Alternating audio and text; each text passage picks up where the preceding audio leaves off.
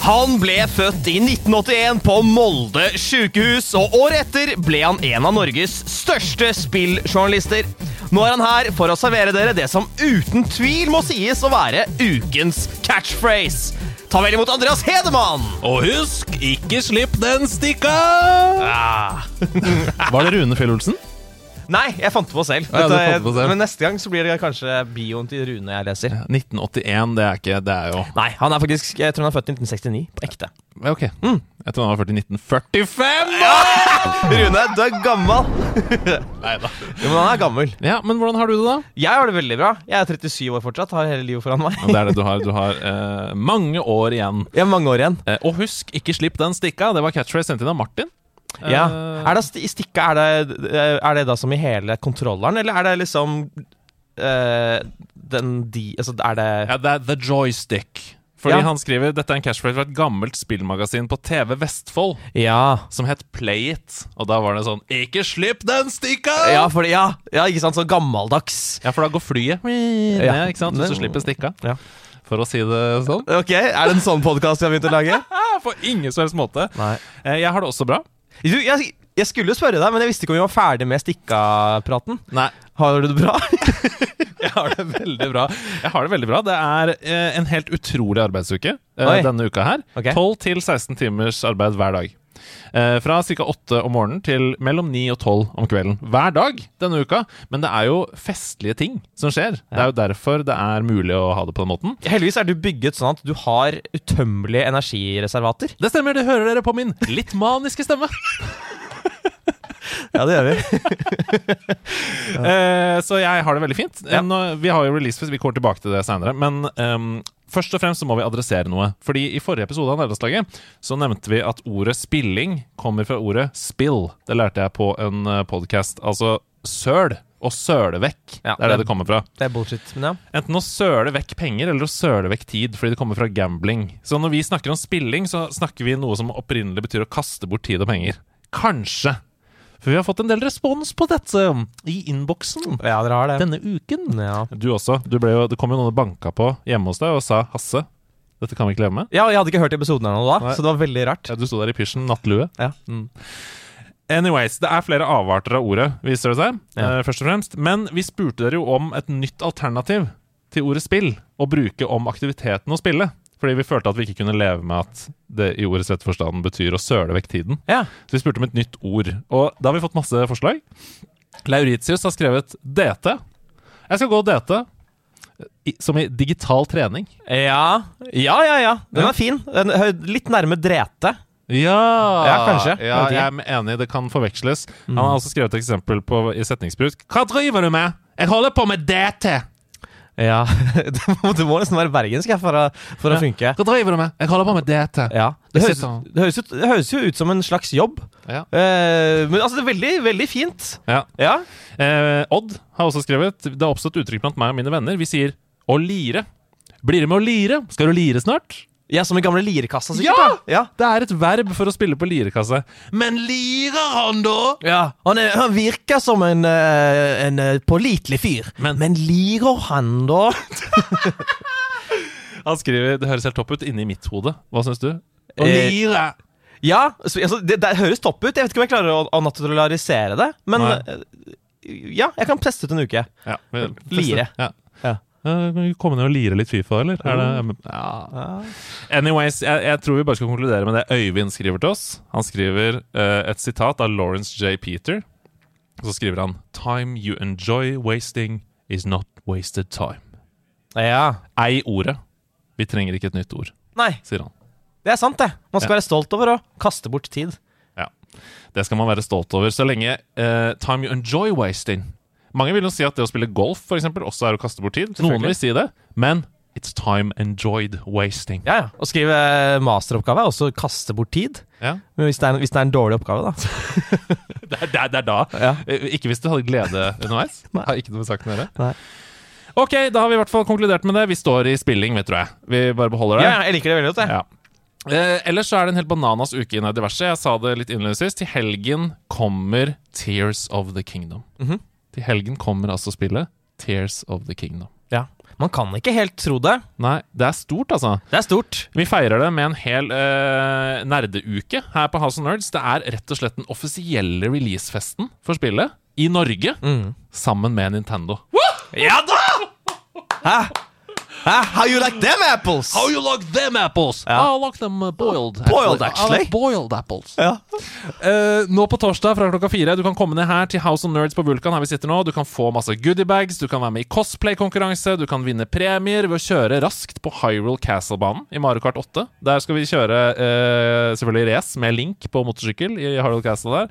Uh, du kan nyte livemusikk fra Zelda-universet! Det er band som skal spille Hyrule Castle Så- Theme.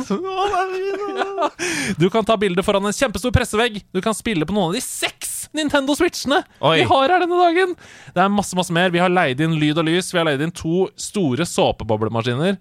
Det, er, det blir utrolig gøy. Gamingsjappa.no har egen butikk her inne den dagen, på hånd. Hvor du kan kjøpe Zelda-effekter, du kan kjøpe selve spillet Tears of the Kingdom. Mm. Og du kan også kjøpe den offisielle Tears of the Kingdom OLED-switchen. Oi. Collectible Nintendo Switch som er- ser ut som Tears of the Kingdom. Ja, jeg så at Stian i går Stian Blipp kjøpte han, han bestilte den i går. Han sa Er det noe liring her, da? Ja, han sa er det, ja. Er det liring? Er det noe liring? Ah. Og så trykket han på 'bestill' inne på en nettbutikk. Ja. Hvem hadde du tenkt Hvis du måtte kle deg ut i en cosplay-konkurranse for Tears of the Kingdom, hvem skulle det vært? Hvem i uh, Tears of the King-universet? Ja. Eh, kanskje en motorsykkel? en skikkelig raff motorsykkel med kult hår? ja, det er kult. Ja, Hva med deg? Nei, altså nå Spoiler alert. Hopp Oi. frem ti sekunder hvis du ikke vil vite noe om Tears of the Kingdom. Nå er jo Ganondorf tilbake. Eh, Det var han ikke med i Breath of the Wild, så jeg, jeg tar han, jeg, for han har rødt hår. Det, ja, Å, du tenker, men det, Sånn skal man tenke når man cosplayer. Det er det man skal. Hva er det jeg har å jobbe med? Spille på sine egne styrker, Mm. og så videre Men nok snikksnakk. Vi vil ha trikktakk. Grefsenrevyen 2003, eller noe sånt. Vi tar inn ukas gjest! Ukas gjest er ansett som et av Norges aller største sjakktalenter noensinne, og har siden april 2009 både vært stormester og nummer to på norgestoppen i sjakk. Han har kun ligget bak tidligere verdensmester Magnus Carlsen.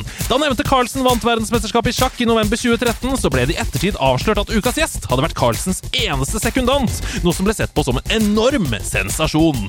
Carlsen desiderte derfor deler av seieren til ukas gjest, og var veldig tydelig på at hans innsats var uvurderlig. Ukas gjest har ikke bare vært topp 40 i verden i sjakk og er en vaskeekte olympier. Han har også egen logo, spiser pizza uten ost og har vært i norgestoppen i Fantasy Premier League. Han er en av Norges største streamere, har over 25 000 følgere på Twitch, og ettersom han åpenbart er helt vill i sjakk, er det sjokkerende og gledelig å høre at han egentlig foretrekker Fortnite. Ta vel imot den geniale bergenseren og Norges nest beste sjakkspiller gjennom tidene, Jon Ludvig Halle! Takk, takk, takk, takk, takk, takk. Der sitter du. for en intro. For en intro. Han er norgesmester i intro, er han ikke det? Jeg må si at uh, Ja. Jeg, jeg, jeg, det var ikke dette jeg forventet Nei, nei. Uh, da jeg kom hit. Nei. Ikke sant? Jeg ble invitert til Nerdelandslaget. Ikke sant? En podkast for nerder, av nerder, et eller annet sånt. Mm. Uh, og jeg fikk en svær mail fra han. Eh, hvor, hvor på en måte jeg skulle være forberedt Ja. til uh, denne innspillingen, som jo sjakkspillere liker å være forberedt. Så det, det er ikke noe jeg klager på, altså. Mm. Um, men jeg følte på en måte at det ble stilt spørsmål ved mine kredensialer Ja, om, som du var, nerd. om du var nerd nok? Ja, liksom. at jeg liksom måtte komme med har, På en måte har Er du nerd? Har du på en måte Fyller du disse boksene her? uh, har du spilt det, det spillet? Har du på en måte uh, Her har jeg noen eksempler på ting du kan uh, mene, eller som andre mener. Og det var liksom fem ting som jeg aldri har tenkt over i hele mitt liv. Og så nå kommer jeg inn her, og så er det liksom høyenergisk. Eh, litt cringe, men på en måte veldig eh, vet, Kanskje det er det som er nerdete nå, da. Altså. Ja, ja. Men, men hva skjedde med den der stille nerden som bare drev med sitt? Det er jo faen meg komikere jeg sitter her med nå. Og det er Ja, men her har jeg en liten rant. Uh, og det er en rant jeg har forberedt, fordi Ja, ja. Jeg, det Oi. er sånn man gjør. ikke Men er sant? dette De nerde strides-spalten din? Er, er, du, er du inni den nå? det, altså, det, det, kan, det kan være det, men jeg har annet materiale materiale okay, okay. til det Ja, også. det er bra. det er bra, det er bra Da kjører vi på. Eh, Men, men ja, for så vidt. Det, det, dette er kontroversielt, Ja. eh, vil jeg mene. Jeg- Og det er er at det nerdeuttrykket Ja. har jo blitt eh, på en måte stjålet fra oss ekte nerdene. Og så er det tatt over av folk som faen meg Stian Blipp. Altså, Stian Blipp skal nå være liksom en av frontpersonene for denne podkasten her. Eh, og han er liksom en nerd. Ja, jeg, jeg gjorde litt research på For å være helt ærlig, jeg hadde ikke hørt om det Nei, nei, før, før men, eh, sendte e-post. Men det er et godt tegn, for det betyr at vi fortsatt er nerdete og ikke i populærkulturen. Ja, kommer brannfakkelen tilbake Ja. her, rett i fanget Ja, ditt. men, men, ok Hør på denne da Noe av det jeg finner i researchen min På eh, Instagram Mm. Er et bilde av At dere spiller sjakk Med Thomas Hayes Og da har man gått så langt bort Fra neidekonseptet som er Det er faen meg en jævla modell Som sitter og spiller sjakk Eh, Jeg er sjakkspiller Altså Men Magnus Carlsen har vært modell for G-Star. Åh. Men det, det er altså Det er ganske høyt oppe på listen over merkelige ting som har skjedd i verden. Sammen med Liv Tyler. Og det er Og Gemma Arterton. Bare som, Ja, bare så det er sagt. Ja. Ja. Du fulgte med da, den dagen han var på shoot? Jeg, jeg fikk jo ikke vite om sånne ting før, før gå- på godt tid etterpå. Men jeg, altså, jeg så bildene, jeg har sett video fra shooten, og det var altså Ja. Men jeg- Det- ok. De teipa på det skjegget, altså. Bare sånn at det er sagt. Det skjegget var ikke ekte. Sjakkspillere, ekte nerder, klarer ikke å få til et så godt skjegg som det jeg sitter og ser på her. Det er veldig fra to. Ok, må, Nå må jeg bare stoppe. har, jeg har skrevet opp tre ting. Ja, må bare, jeg må bare, Før vi kjører i gang her, så må jeg bare si Altså, Vi som har vokst opp med dataspill, som ikke turte å snakke i skolegården med de andre for å være redd for å bli mobba, redd for å bli utstøtt og sånn, som har følt oss som nerder hele livet, jeg peker på meg selv nå, eh, har jo opplevd å bli utestengt sant, fra de kule, fordi vi ikke var kule nok. Og nå sitter du som ekte nerd og på en måte gatekeeper meg ut også fra nerdevennene mine. Nå har jeg ingen igjen.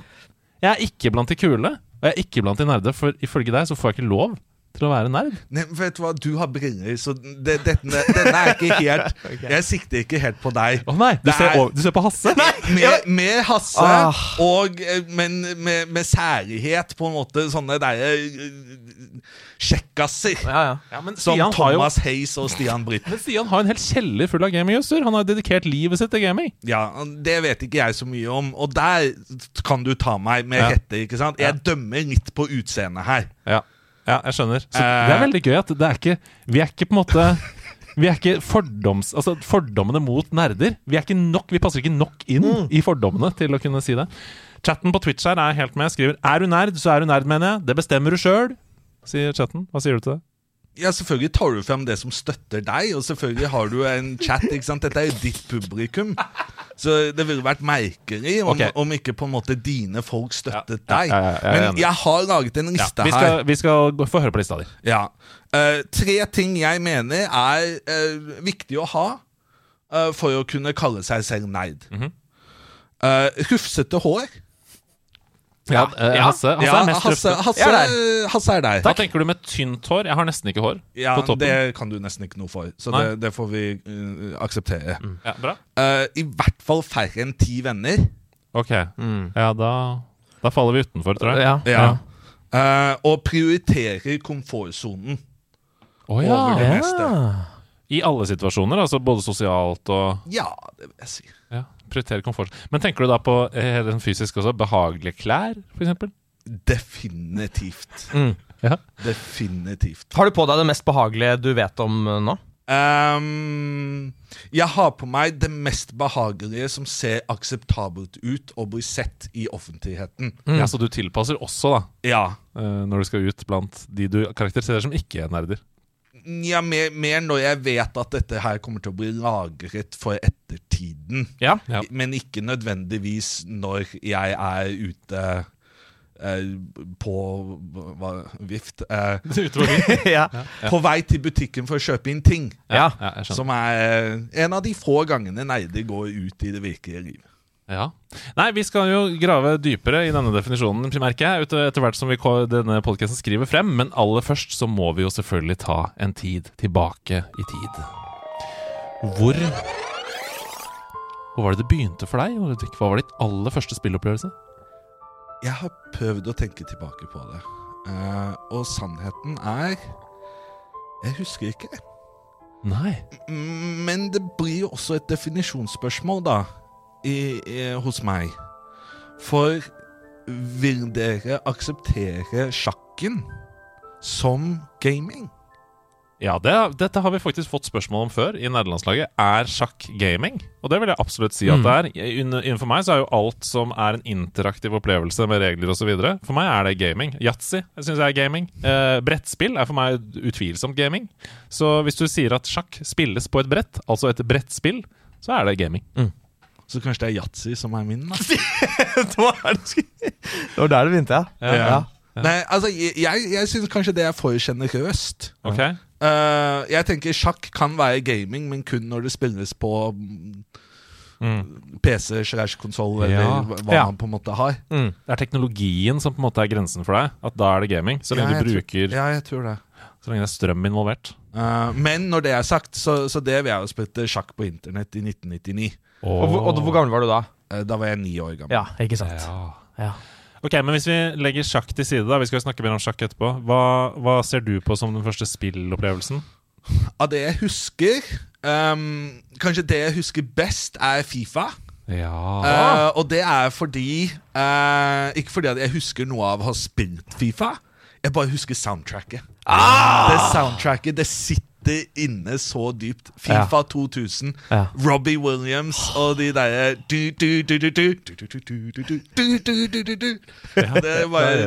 Den hører jeg på Jevnlig fortsatt. For det, det, er, det er noe barndomsminner, da. Så det du husker, da er at andre kanskje da spilte Fifa?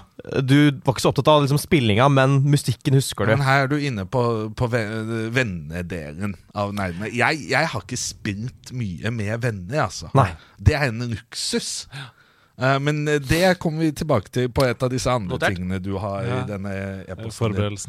Ja, ikke sant. Så, men øh, um, er, har du spilt mange Fifa-spill? Er det sånn at hvis jeg begynner å synge på et soundtrack, så kan du identifisere hvilket spill det er? Jeg har kun spilt Fifa 2000. Ja, ok, så du, du, du, du, du, du, du, du, du. Det sier deg ingenting?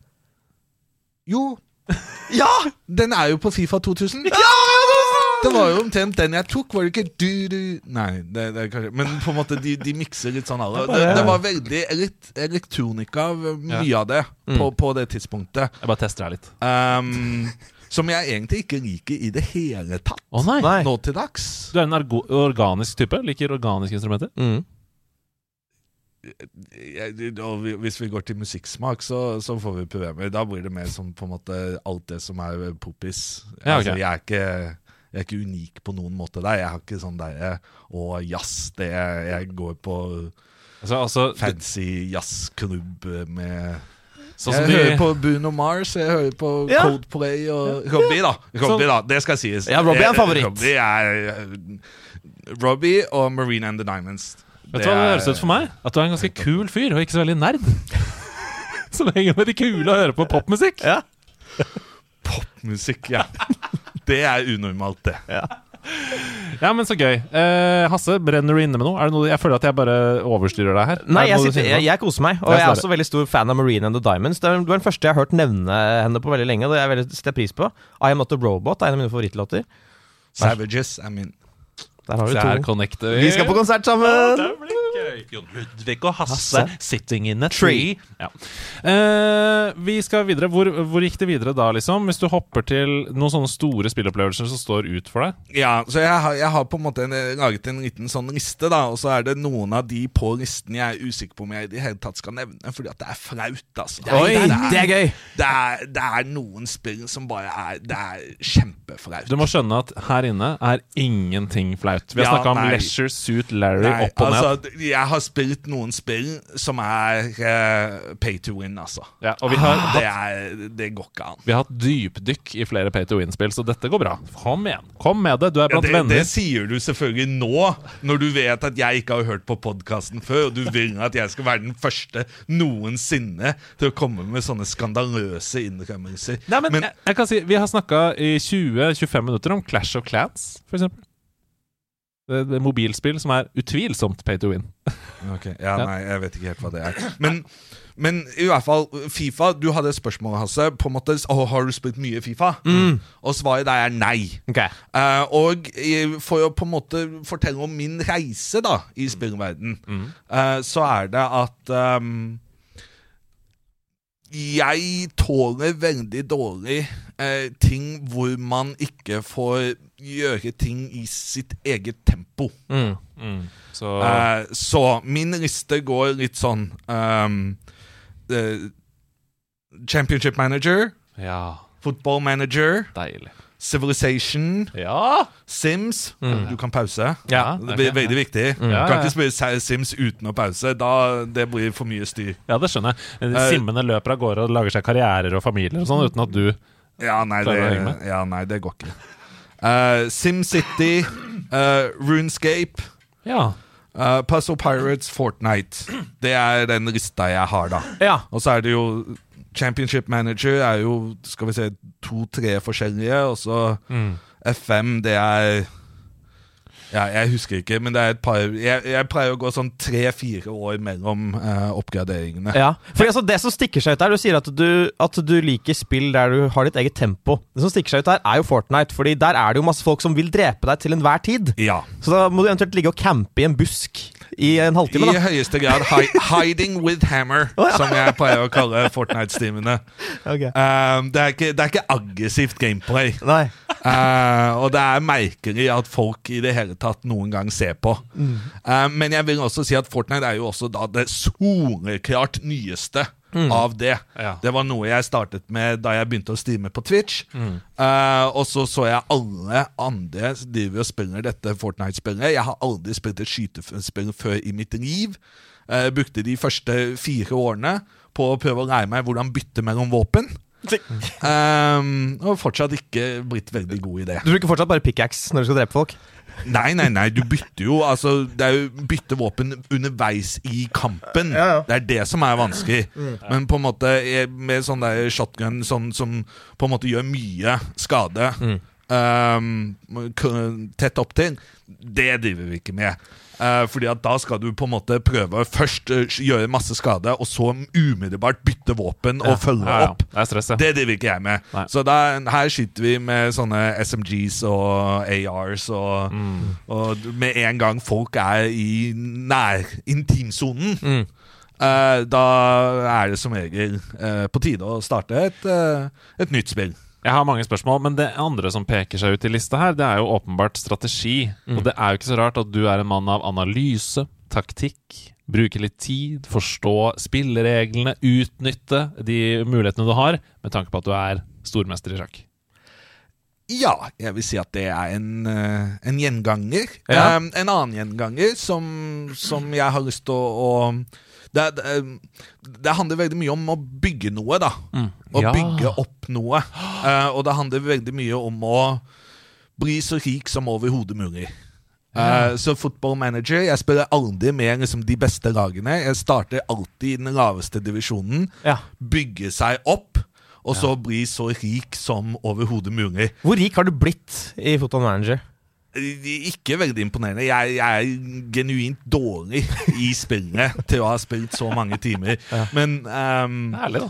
men ja, det er, man, man kan bygge seg opp uh, litt uh, rikdom der. Problemet er at de, de, de tar så mye skatt. Oh, ja. Ja, når du går i Så det, hemmeligheten er på en måte at du du kjøper inn spillerne dine på avbetaling, Ja. men så selger du dem Nei. Nei, omvendt blir det. Du prøver, jeg prøver ofte å kjøpe inn eh, spillerne mine ved å betale alt med en gang. Og så er Ja. jeg villig til å selge på avbetaling, sånn at skatteregningen blir Fordelt utover, ja. litt mer fordelt. Wow, det er fantastisk. Det er next level gameplay. Mm. Men hvorfor spiller du ikke da i sveitsisk liga, for eksempel? Hvor skatte... Fordi at den eh, engelske ligaen eh, har eh, flere divisjoner man må rykke opp. Ja, så det er mer Mm. Pyramiden, vet du. ja, Det gamle pyramidespillet. Ja. Men, men det, det er også Problemet er også at fotballmanager er fryktelig enkelt oh, ja. når du på en måte bruker et par sesonger på å bygge deg opp. ja. Fordi at det å prøve å ikke få sparken i løpet av de første to sesongene er mye enklere når du har klart å ta laget opp én eller to ja. divisjoner allerede. Da får du ikke sparken. Eh, og dermed så får du også mye mer tid på deg til å bygge. Du snakker om bygging, og du snakker om bygging i flere varianter. Du snakker om å bygge seg opp i divisjoner, men du snakker også om bygging i SimCity, bygging i Civilization. Mm. Er det derfor du har valgt Fortnite fremfor de andre Battle Royale-spillene? Fordi det er bygging involvert? Mm, Nei, men det er, det er på en måte relatert til det å bli rikest mulig inne i spillene. Ja. Uh, fordi at det er en filosofi jeg også kjører i det virkelige liv. Bli rikest mulig, ja. Ja. Ja. og uh, Fortnite er gratis. Uh, og Ja. penger spart er penger tjent. Det er 400 kroner. Så du sitter og, mens du spiller, så bare ser du for deg dollarene du tjener på å ikke ha brukt penger på det spillet? Nei, det var ikke det jeg sa. Nei. Men det, det jeg sa, var at Trenger du en liten Nei, jeg, Nei, jeg koser meg. Dette Ja. er gøy. Dette er gøy. Uh, nei, det jeg sa var at um, hvis jeg på en måte skulle eh, drive og spille et nytt spill og prøve noe nytt, så er det mye større sannsynlighet for at jeg spiller et gratisspill Ja. som Fortnite enn jeg vet ikke, jeg, kjøpespill som Mm. Jeg vet ikke hva, hva kjøper... The Last of Us, for eksempel. Eller ja, men Det vil jeg aldri, jeg har aldri spilt, ikke sant? Nei, nei, nei, det er men, det jeg sier, eh, Call of Duty koster vel penger, det? Ja, Ja. ja, det gjør det. ja, Mhm. ja absolutt. Hva med det P- PubG? Det var Ja, det er veldig populært. gratis. Ja, det det er også gratis, gratis, ja. ja. Okay. Mm, mm, jeg tror Ja, det nei, gratis. da var det Kanskje det var byggingen. Ja, argumentet falt. Men uh, vi spør jo også i denne podkasten i researchen om dine topp tre spillopplevelser. Som ikke trenger å være de beste spillene du har spilt, men bare tre stykker som på en måte har formet deg til Ja. den gameren du er i dag. da Ja. Um, nå skal ikke jeg styre showet ditt. Jo, det synes jeg er- skal. det er ditt show. Nei, Men er jeg vårt må show, nevne felles. at i, i denne listen over spill så nevnte jeg jo ikke dette kontroversielle pay to win. Mhm. Uh, det- Det er jo på en måte dårlig programledelse, da, Ja. å ikke fange opp det. Ja, vi burde tatt det. Jeg prøver å bare gi deg gjøre dette til et trygt rom. Jeg. Hvis Ja. du ikke ønsker å si noe, så Nei, Jeg er ikke så kommersiell som de er i TV 2. vet du Ja, nei, jeg, jeg kan si det. Og jeg, jeg, jeg vil i hvert fall si at jeg har brukt veldig lite penger på dette spillet. Okay. Uh, og da blitt veldig lidende uh, mot folk som ikke gjør det. ja. Uh, og det, det er Åh, han sliter. Han sliter, altså. Travian. Åh Strategi nok en gang, da. Tra- Bygge. Ja. Ja. Men Travian er ikke noe flaut å si. Er det det? Syns du det er flaut? Ja. Jeg syns ikke det er noe flaut. Jeg syns det er like flaut som å si Runescape, eller som å si Tetris. Det syns jeg ikke er noe flaut. Runescape er mindre pay to win enn uh, en Travian. Jeg synes det, altså. Er det mye Nei, kontroverser innenfor det norske Travian-miljøet? Hvor man sier sånn Ja, er han uh, 69, Walker 69, og det er typisk at han uh, vinner nå, for han har brukt masse spenn. Er det? Nå er det tolv år siden min tid. eh, Kanskje litt mer. Ja. Eh, jeg var i det svenske Travian. Det var, ja. jeg, det var spilte mot masse folk i Teby. Eller T- T- T- Tåby, Ja. eller et eller annet sånt. Eh, En forstad eh, nord for, for Stockholm. Ja. Det var det, var det svenske Travian-miljøet. Og Ja. vi hadde ikke norske servere, eh, men vi hadde norske spillere, da. Så jeg, jeg, det, var, det var en norsk spiller jeg drev og var nabo med, da. Mm. På spillet. Kan jeg spørre om Etter hvert du- som jeg lærte litt hvordan man holdt på. Chatta du da med andre online? Ble du kjent med dem og sånn, som du spilte med og mot? Nei. Aff, så jeg hadde tenkt å prøve å sette deg sjakkmatt her og si at da har du i hvert fall hatt over ti venner. Men eh, det var tydeligvis uh, umulig. Um, ja. For, men eh, så sk- det had- Ville du skrevet på svensk hvis du skulle skrevet noe da? Nei. Nei. Nei. Okay. Kolla her, titta her, venner. Ja. Her borte er det lut. Tror du, det var mer sjanse for at de drev og angrep meg hvis de visste at jeg var norsk? Ja, Ja, det tror jeg. det tror jeg. Det har jeg ikke tenkt på. Kanskje. Ja, nei, kanskje det var ustrategisk. For de som ikke kjenner noe til Travian, kan du bare si kort Ja. hva det går ut på? Um, bygge en liten landsby Uh, Du har mulighet til å bygge litt militære til å, å beskytte deg, men også til å prøve å angripe andre. Og når du angriper andre, så kan du drive og stjele noen av ressursene deres. Oh, ja. Og disse ressursene bruker du til å enten lage flere eh, tropper selv, eh, eller til å, å bygge opp eh, nivåene på, på bygninger du har i landsbyen, da, som gjør landsbyen raskere og mer effektiv. Så, men er, er, det, er det som eh, Er det Age of Empires, liksom? Bare at man kan betale litt? Um, Age of Empires Ja, altså et strategispill hvor du bygger en base, på en Ja. måte. Og så er det om å gjøre å utslette de andre basene på mappet. Er det Ja, jo, kanskje. Ja. Mm. Ja. Ja, men så bra, da. Da har vi fått et tydeligere bilde av Travian. Hva er det neste spillet på lista di, som er blant disse topp tre? Um, så det var ikke topp tre-listen min. Nei. Jeg avbøt deg fra den uh, topp tre-listen. Ja, sant det. Så Jeg nå har- kommer vi til Ja. ja. topp tre-listen. Åh, Så nå har jeg Jeg har laget en liste med topp tre spilleopplevelser, slik oh. det ble uh, bedt om. Ja. Uh, nummer én. eh, Topp spilleopplevelse. Oi, vi begynner på førsteplassen. Er det ikke bedre dramaturgisk å begynne på tredjeplassen? Så vi leder opp til den beste spillopplevelsen. Ja, det er veldig uh, medieriktig. Ja, kommer, det er av kommers, vet du. Veldig kommers. Ja, Sånn som TV 2 ville gjort. Ja, bra. Ja, programleder generelt, på en måte. Ja. Ja. eh, Sjekke TV 2-programledere ville gjort. Hvis du er komfortabel med å begynne på tredjeplass, så tar vi det derfra. Ja, ok På tredjeplass så har jeg, fordi jeg følte at det burde kanskje være noe sjakk inni her, Ja. Eh, så har jeg gått vekk fra mitt eget gamingprinsipp. Uh, som er kontroversielt i mitt eget hode, da men det virker som om dere vil akseptere sjakk på brett uh, like mye. Ja. Uh, det er da jeg slo Vishwanathan Anand første dagen av eh, lynsjakken Norway Chess eh, 2013. Det var første gang jeg eh, var invitert til en turnering for å, å menge meg med eh, verdenseliten. Anand på det tidspunktet var regjerende eh, mester. Eh, og eh, han eh, er generelt kjent for å være en ganske hurtig type, eh, som ofte spiller hurt, raskt for å sette press på motstanderen. Så han er ikke, selv om han var litt gammel, selv på det tidspunktet, eh, så var han ikke noe sinke. Nei. I, i hurtigformatet tre minutter eh, sjakk. Så det var der nedturen begynte. Du tok første stikk, Ja. og så vant Magnus samme år. Du stakk spydet inn i tigeren fra Chennai. Ja, det er én måte å se det på. En annen måte å se det på var at eh, den første dagen var den store suksessen jeg hadde den uken. Eh, jeg slo Anand med svarte brikker. Det er et av Oi. de beste oi, oi, partiene jeg har spilt, uavhengig Wow. av tenketid. Det er et av de få partiene hvor jeg fikk det til å se rett ut. Mm. Å slå regjerende verdensmester. Magnus får det ofte til å se rett ut at han slår motstanderne sine, men for meg er det litt mer uh, sjeldent. Så du satt der og spiste grillspyd og uh, og sånn mens du Ja, det rekker man ikke på tre minutter. Nei, men jeg tror det er også derfor Det er derfor jeg husker det så godt, og det er en god opplevelse. Mm. Fordi at det er såpass intenst. Begge Ja. to-tre minutter. Ting går hurtig. Du må ta kjappe avgjørelser. Du Ja. kan liksom ikke sitte der og tenke lenge over. Du må følge instinktet ditt. instinkt, Og da er um, adrenalinet på en litt annen måte, da, som gjør at du, du, du lever deg mye mer inn i det. Mm. uh, og jeg slo Anand. Jeg fikk fire poeng av ni mulige Wow. på den lynsjakkinnredningen. Uh, selv om jeg var uh, soleklart rangert som den dårligste. Alle de andre var sånn topp 15 i verden. Men da hoppa du på rankingen, eller? Etter den turneringen? Problemet er ingen bryr seg om lynsjakk. Faen, altså. Fordi at den lynsjakken, det var bare innredningen til hovedturneringen. Det er som fotsal! Ja. Ja. nei! Um, og det avgjorde hvem som skulle ha mest hvit og mest svart i hovedturneringen. Ja, ja. Og jeg kom på en respektabel sjetteplass, men det var fortsatt uh, under midten. Så jeg var en av de som fikk fem svarte og, og fire hvite.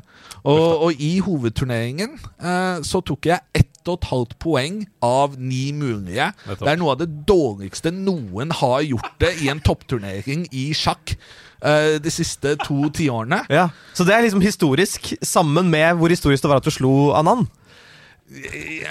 Ja, men det er jo ikke noe jeg liker å huske på nødvendigvis. da. Men, men det var, det var en veldig god opplevelse der i starten, og så gikk det rett til helvete. Vi hopper til andreplass. Sølv på pallen. Mm. du er jo olympier, så du er jo vant til å eh, forholde deg til denne type begreper? Ja, og den er en veldig, veldig ny Uh, ny greie. Uh, faktisk, uh, på denne listen så, så er dette eh, det, det nyligste eh, gode uh, opplevelsen. Og det er min første Fortnite-seier noensinne. Ja, det, å, det er så deilig, det! Uh, fordi det som skjedde, det var at uh, jeg hadde en eh, kollega, en kamerat av meg, uh, som kom hjem til meg fordi jeg er helt håpløs på sånn datamaskingreie. Altså, jeg bruker datamaskinen, jeg er avhengig av datamaskinen, men hvordan det funker, det har jeg ikke peiling på. Så klarer ikke å sette opp en Twitch-stream, f.eks. Jo da. Jo da. Men, men her var det litt mer teknisk enn det. Her måtte okay. det en ekte Nei, å ja, nei, det kan jeg ikke si. Det, Um, du, du kansellerer deg selv ut Ja. fra nerdebegrepet. Eh, Det går ikke. Men, men i hvert fall um, Jeg hadde kjøpt et nytt skjermkort. Ja, ja, ja. Fordi jeg hadde en, en gammel PC, og sjakkspillere er veldig opptatt av CPU. Uh, fordi at uh, da, sjakkdatamaskinen den går på CPU. Eh, men jeg hadde ikke gitt noe særlig oppmerksomhet til skjermkortet. Um, og da fant jeg ut, når jeg, etter hvert som jeg hadde spilt litt Fortnite, da, at uh, dette går jo an å oppgradere. Man kan kjøpe et skjermkort og så bare putte det inn i PC-en. Men jeg har ikke kompetansen til å faktisk installere dette. Så jeg fikk en, en kollega av meg, uh, Felipe, shout-out. Shout-out. Eh, han hjalp meg. Uh, og jeg hadde Hva heter det sånn der Bilder per sekund Ja, Det- det var- FPS. ja, ja. Frames per second. Ja. Og på, på et nivå jeg aldri hadde sett maken til tidligere. Ja. Eh, og han var ikke sånn veldig inne i Fortnite. Så jeg tenkte å, jeg, jeg kan vise deg hvordan, man, hvordan dette funker. da Ja. Så etter at han hadde installert det skjermkortet, så bare tok jeg en runde Mm. for å vise han ja, og sånn her er det det spiller. Og, og så på en måte møter vi noen, og så dør jeg. Men så møtte jeg noen, og så vant jeg den kampen. Dette var Mens, han- mens, mens han sitter og ser på. Mens han sitter Det er fantastisk. på siden. Og du spiller solo nå, altså? Solo. Det er det vanskeligste, Ja, altså. ja, ja. Um, og så møtte jeg en fyr til, og så døde søren meg han også. Og så tror jeg jeg, jeg, tror jeg klarte å, å vinne én kamp til, og det var den siste og avgjørende. Uh, en three kill, first, uh, første win. Ja. Noen, eh, noensinne. Ja. Med publikum, hvor jeg bare skulle illustrere Ja, nei, jeg er helt ræva i dette spillet, altså. Men, men dette er i hvert fall hvordan Fortnite funker. Ah, det er helt rått. Men da må jeg spørre, for å vinne denne kampen, benyttet du deg av Stockfish? Eh, ikke noe eh, juksete hjelpemidler Nei, okay. eh, i det hele tatt. Ei heller sjakkdatamaskinen Stockfish. Nei. Men det jeg benyttet meg av, som jo noen kan tenke er litt juks Å ja, han peker på hodet sitt! Hjernen. Sin egen hjerne. Hiding with hammer. Det var ikke Vi, vi valgte uh, slåsskampene Ja. med, med omhu. Ja. Det er ikke sånn at vi, vi lander der 20 andre folk driver og holder på. Men- vi holder oss i utkanten. Men da, Filipe, en av dine mange venner Du har jo som kjent kanskje 50-60 venner. Um, eh, sitter der og ser på. Følte han at du var litt som sånn Å, ikke se på tegningen min, den er så stygg. Jeg er så dårlig. Å nei, jeg er ikke noe god i Fortnite. Bare, det var bare flaks at jeg vant. Jeg tror det brødet jeg hadde da jeg faktisk vant, var med på å overbevise han om at dette her ikke var vanlig. Nei, dette var ekte. Ja. Fantastisk. Nydelig historie. La oss hoppe opp til gullposisjonen.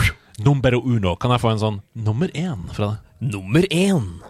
Og da skal vi tilbake til 2008.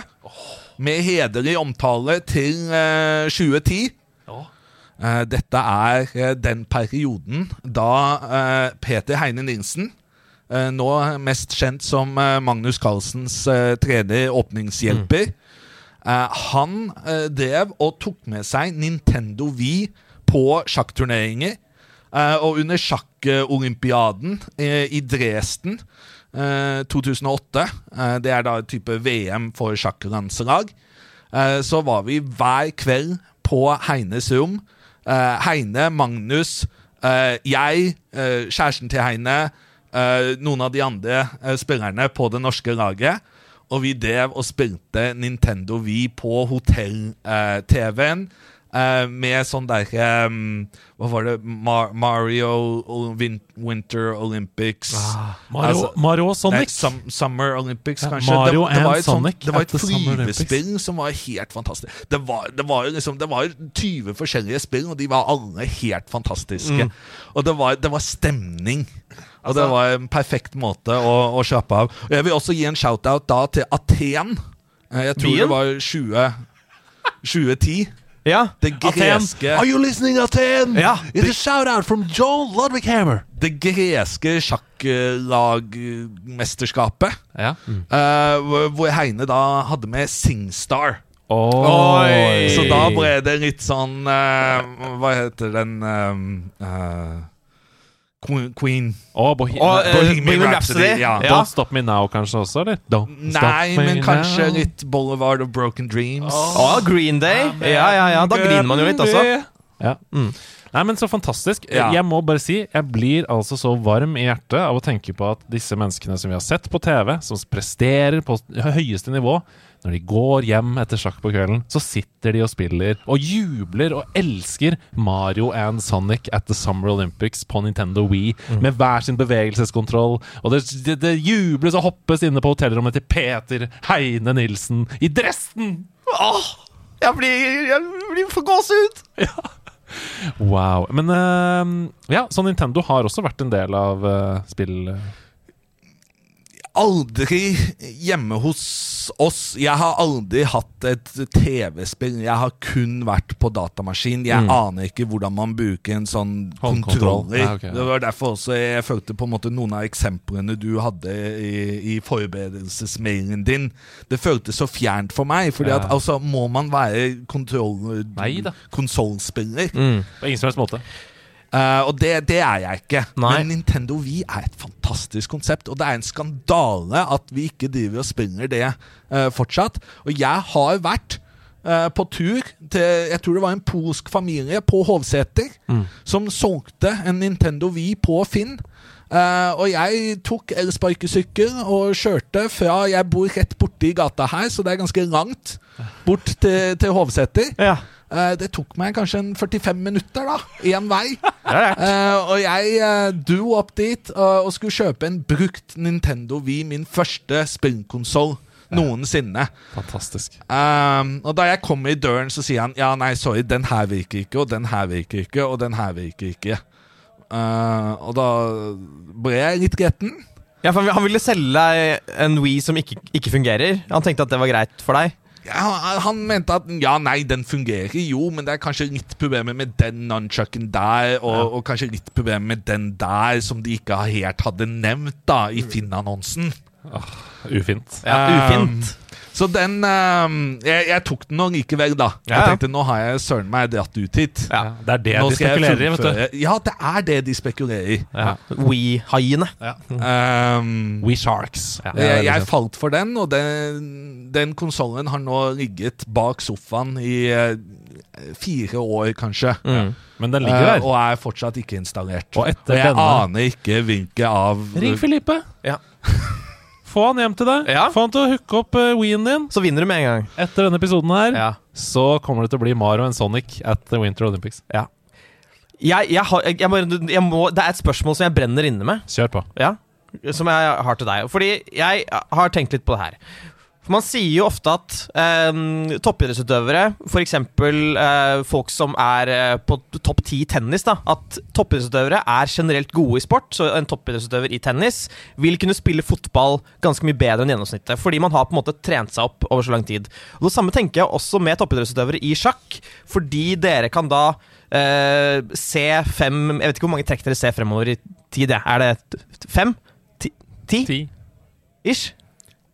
Kommer an på, Ja. men mot slutten av partiet, når det er få brikker igjen, Ja. da kan man fort tenke 20 tek fremover. Ikke sant? Og da tenker jeg at det må jo være overførbart til f.eks. Eh, hvis du spiller Civilization online mot noen andre, og eh, du bare har lært deg de grunnleggende mekanikkene, og du begynner å kunne se hvordan den andre spiller. Det må jo være overførbart til sånne spill også?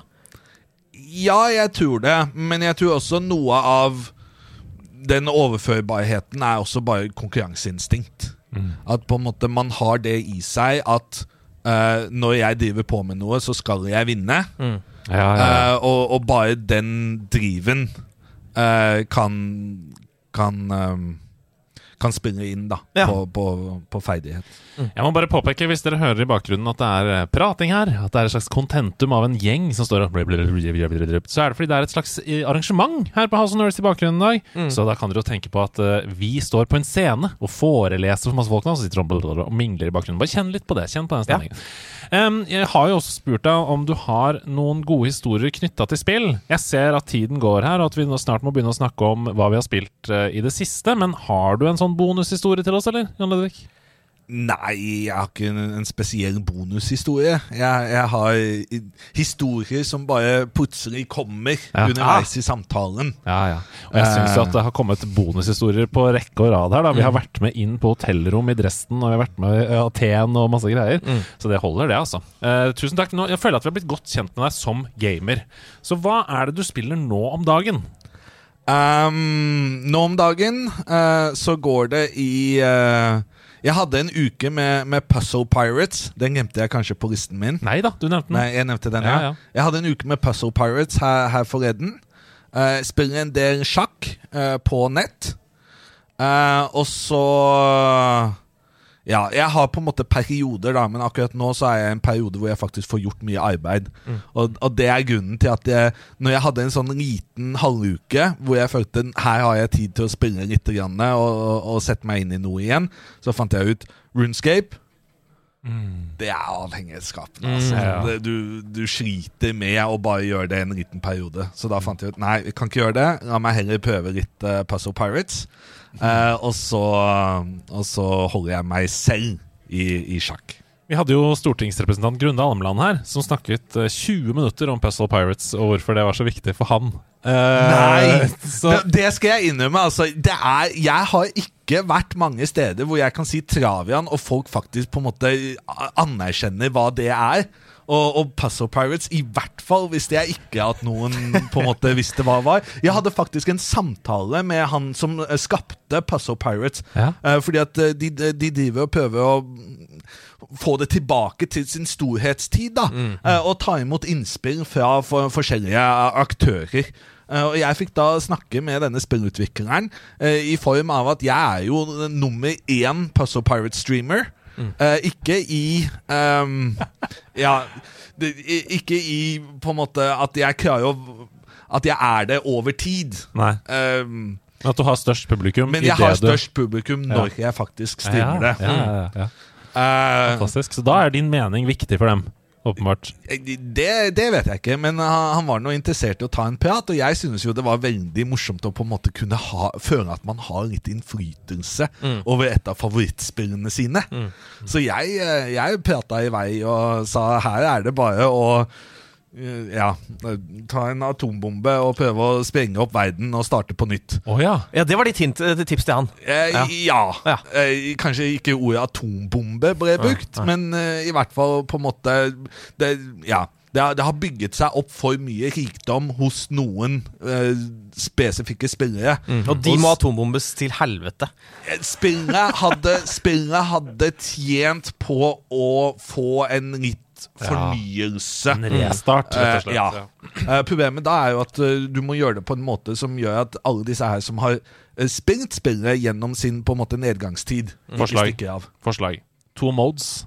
En mode som du kaller legacy mode, som bare fortsetter, sånn som i dag, med alltid. Og en ny mode som heter ranked, eksempel, som går i sesonger av tre måneder av gangen, før det resettes hver tredje måned.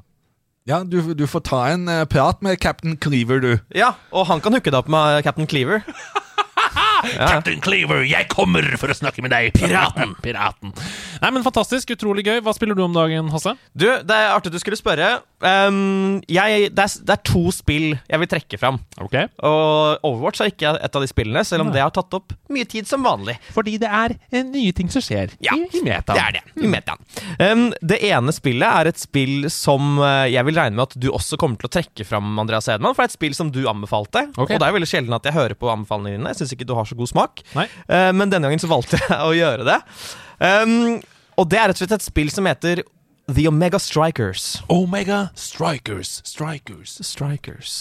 Det er rett og slett et, eh, et slags Hva skal man si? Uh, Futsalaktig lignende spill. Ja, En slags Rocket League møter fotball. Rocket League møter fotball, der man er tre stykker på hvert lag, velger seg ulike karakterer som har ulike spesialferdigheter, og så er det en puck som går rundt omkring på kartet, og på banen, mener jeg. Du skal sentre den mellom hverandre, banke opp motstanderen, prøve å få den i målet. Mm. Og det er, det er bare kjempegøy. Veldig, veldig uh, heseblesende. Mm.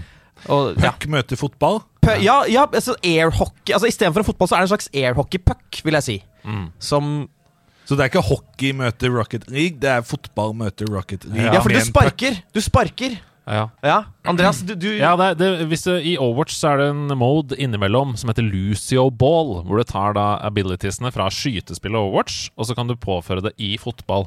Sånn at det, det, føles, som, det føles som innendørsfotball møter uh, Rocket League. Eh, i, fordi fo- eh, Rocket League er for stor bane. Dette er en mye, mye mindre bane. Så litt mer som et sånn bord-tabletop um, airhockey. Um, Veldig lett å bli hekta på det. Ja. I hvert fall når man begynner å vinne kamper. Så lenge man taper kamper, så er det veldig veldig kjedelig. Ja. Men når vi først begynte å vinne, da var det gøy. Spørsmål, Ja. Har du venner til å spille dette med? Ja, altså nå fikk jeg bruke eh, noen av mine få venner, eh, Andreas og, og Stian. eh, Blipp. Mm Ja. Ja. Uh, og sammen var vi ganske dårlige, men det ble etter hvert bedre. Da, da bare jeg slutta å spille, så ble de mye bedre. Ja, ja. men sånn er det ofte. kan det, det kan skje den beste, da. Og den verste. Ja, det kan skje den beste. Da jeg spilte alene, så var jeg også veldig god inntil de kom. Så de, de nerde strides om Mm. hva som var akilleshælen her, Det gjør de. rett og slett. Ja. Uh, ja, noe annet? Noe annet, Det andre spillet jeg har spilt, er et, eh, et svensk spill som heter Bramble the Mountain King. Bramble the Mountain King. Bramble the Mountain King. Ja. Som rett og slett er et, eh, et spill laget av Dimfrost Studio, Studios, som eh, handler om en liten gutt Ja. der hans søster blir tatt av et slags troll. Vi er liksom sånn eh, folkeeventyrunivers. Minner om Brothers, eh, på en måte. Jeg vil si at den minner litt om Brothers, Ja. i den forstand at eh, det er litt sånn folkeeventyraktig. Og så skal du da gå rundt i skogen, og du møter små nisser og vetter, og du mø møter nøkken. Ah, eh, I og, den her granskogen. I granskogen. Og det er, det er kjempebra, og det er veldig, veldig creepy, og veldig, veldig mye ekkelt. Altså, de går over grenser hele tiden som du ikke trodde de skulle gå over. Ja, for dette, dette så jeg på E3 for en stund siden. Da Ja. det fortsatt var E3, eller var det Summer Game Fest eller noe sånt? Det svære uh, kvinnelige personen som kommer opp av vannet her. Er det nøkken, eller? Det er nøkken, ja. Ja, det var, det var det er den ekleste nøkken jeg har sett. Oi, oi, oi. Ja. Eh, og det er rett og slett skikkelig skikkelig eh, guffent, men også veldig vakkert. Nydelig svensk uh, visesang, Ah. og eh, de bruker Unreal Engine 5 Mm. på en veldig, veldig fin måte.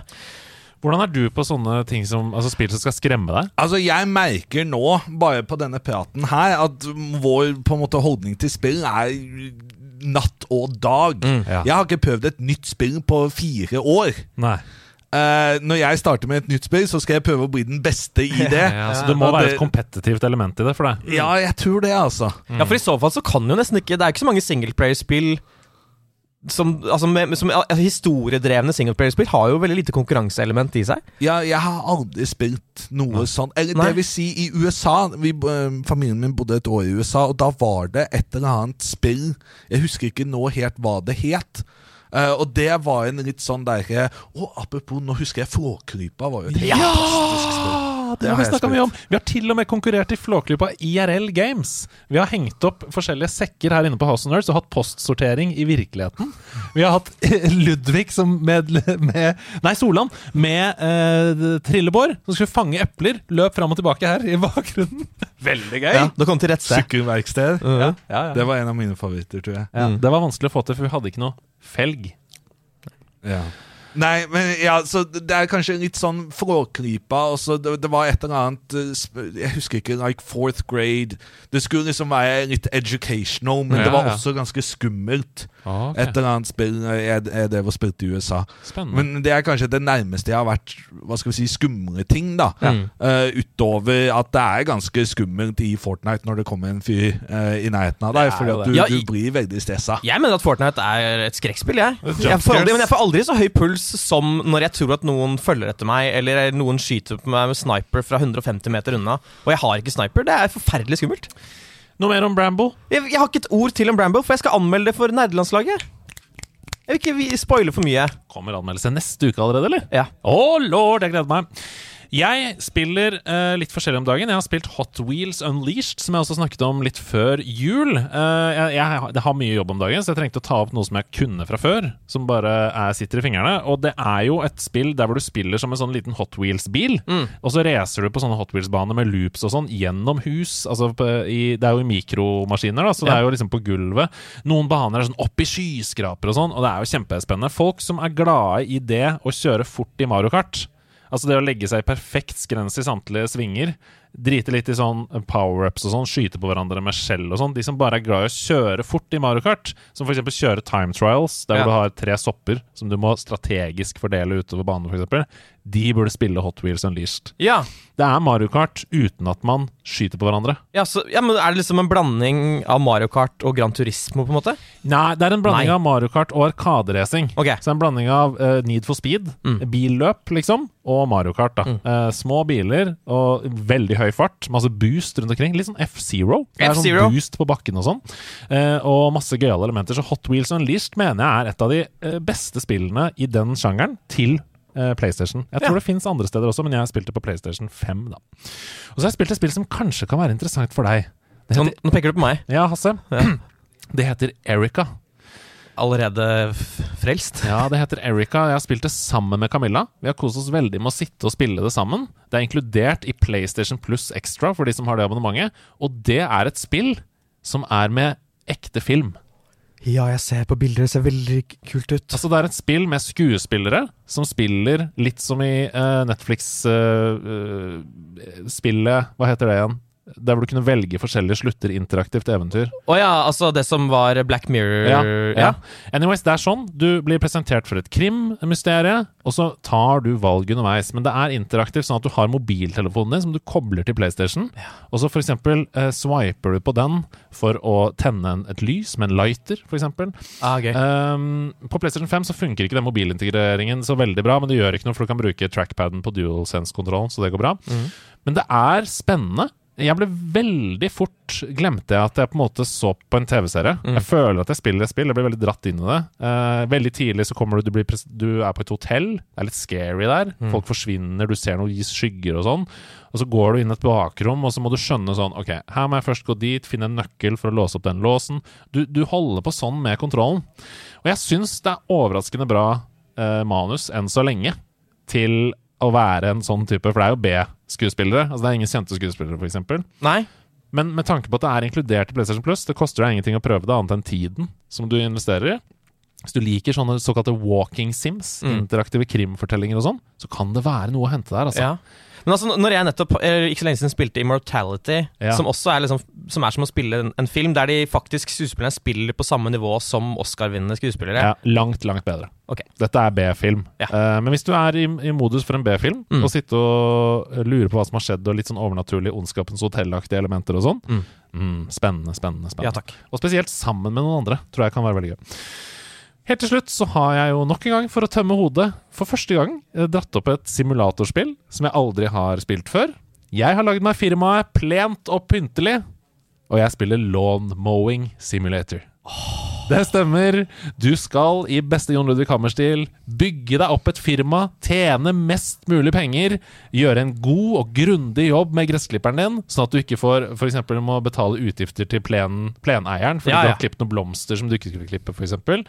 Eh, og nå skriver Jon Ludvig ned dette tipset på mobilen. Nei, det, det jeg faktisk eh, nå gjør, er at jeg prøver å gå på mobilen min. For jeg er veldig interessert i sånne der, ø, spill med god økonomi. Ja. Det er hovedinteressen min i Puzzle Pirates, og det er hovedinteressen min i, i Runescape. Jeg, tror de, jeg synes de har to av de beste økonomiene mm. som finnes, ikke minst fordi at de er litt sånn avhengige av hverandre. At ting du lager i spillene, settes sammen med andre ting for å på en måte lage produkter som er, som er viktig. Uh, så nå husket jeg veldig på at eh, det er et spill jeg har vurdert å teste ut. Jeg har hatt en barriere fordi at dette spillet kostet faktisk penger å kjøpe. Okay, okay, okay. Så, så jeg endte opp med å ikke kjøpe det. Men jeg, jeg husker jeg drev og stilte folk noen spørsmål om på en måte Har dere hørt om uh, dette spillet? Men nå husker jeg ikke. Jo, Big Ambitions. Åh, Big Ambitions. Ambitions. Aldri hørt om, faktisk. Nå, nå, er du, nå har du satt oss nå er det tips til dere. Ja, Dette her, Jeg forventer en anmeldelse. Ja. Uh, og så uh, Kanskje som en del av den anmeldelsen så, så burde dere få sånn der uh, gratisspill, fordi at uh, Ja. anmelder, Ja, ja, ja. folk anmeldere Anmelderkopier, får ja. Journalister, ja. Mm. får mye gratis. Ja. Og så Ja. Nei, men, takk. men for å gi, gi meg en litt kode på det. For å, for så du slipper å betale. Ja. Eh, For å avslutte om lawn mowing simulator, så er det jo rett og slett det. Du begynner med å kjøpe deg en gressklipper, du tester ut de forskjellige, eh, finner ut hvilken modus som passer for deg. Vil du ha en med stor tank som du slipper å tømme ofte? Vil du ha en som kutter opp gresset i masse mikrobiter, sånn at du i det hele tatt slipper å tenke på tanken? Men den har ikke så mye bensintank, ikke sant? Du må gjøre noen avveininger der, koster også litt mer. Eh, Og så etter hvert som du bygger opp dette firmaet, så ansetter du nye folk, du ser på deres skills, ikke så god med mennesker, men veldig god på plen. Så da må man kanskje ha med seg en assistent som kan snakke med familien man klipper hos når man skal holde på. Og så velger du også sånn tri forskjellige trimmeverktøy. Hvilke skal du ha? Vil du ha elektrisk drevet og ha en eco-friendly bedrift, f.eks.? Dette er dypt, altså. Det er et dypt spill. Eh, hvis du liker The Sims, SimCity, sånne ting, og også den mediterende følelsen av å bare sitte på en sittende gressklipper og klippe en plen, så er lawn mowing simulator noe for deg. Inkludert i PlayStation Plus, eh, og sannsynligvis også da inkludert i Xbox Game Pass. Vi skal videre. Ha med, ha med dag, hey, hey. Ha med, ha med dag. Ha med ting etter ditt behag, for det er ha med dag. Har han med i dag? Var han med i Kan det være sjakkrelatert? Eller er det noe som vi ikke kunne sett for oss at han het? For Jonah Ludvig Hammer, han har spilt masse sjakk i livet. Har han tatt med seg noe som suser i sivet? For det er ha med Kan det være en veldig stor hatt? Eller et veldig rar sko? En rar sko. Kanskje det er noe som han brukte sist han var på do? Jeg lurer på om han foretrekker å spille med svart eller hvit. Har han tatt med seg en pose med drit? For det er ha med dag. Hva har du tatt med deg på ha med dag? Ja, du sa i mailen ikke sant, at dette er noe du må prioritere. Det er kjempeviktig. Ja. Eh, jeg har ikke tatt med noe som helst. Er det første gang? eller? Shots fired. Shots fired. Han Altså, jeg har- nekter å svare har- på lærerens uh, institusjon. Jeg har omtrent kun spilt PC-spill. Det er liksom, Hva skal jeg ta med meg? Da skal jeg ta med hele PC-en. Altså, Det er tungt. Det går ikke. Du kunne tatt med deg en, uh, et bevis på at du f.eks.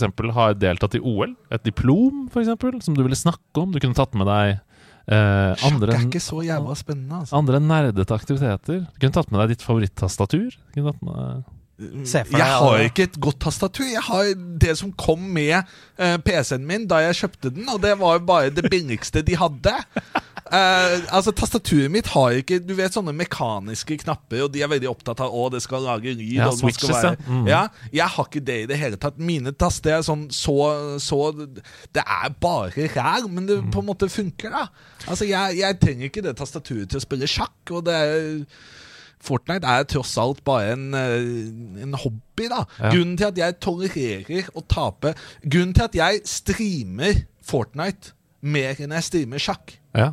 det er fordi at i, i sjakk så har jeg en forventning om at jeg skal vinne, fordi at dette Ja. er faktisk noe jeg kan. Ja. I Fortnite så gir jeg faktisk ganske, ganske faen. ja. Det er, du, det er, men det er befriende å, og, ikke bryr seg om hvordan det går, fordi du, vet jeg er veldig dårlig i dette her, så da Men dette er interessant, fordi jeg hadde tenkt å si uh, Men du kan jo ta med deg Twitch-kanalen din på Hamedag. Fordi uh, vi har aldri hatt en person i studio eller en tjeneste, f.eks. NRK LL35 har 11 000 følgere på Twitch. Vi har ca. 10 000 følgere. Du har 25 000 følgere på Twitch. Du har sannsynligvis den største Twitch-kontoen av alle gjestene vi har hatt på besøk i nederlandslaget.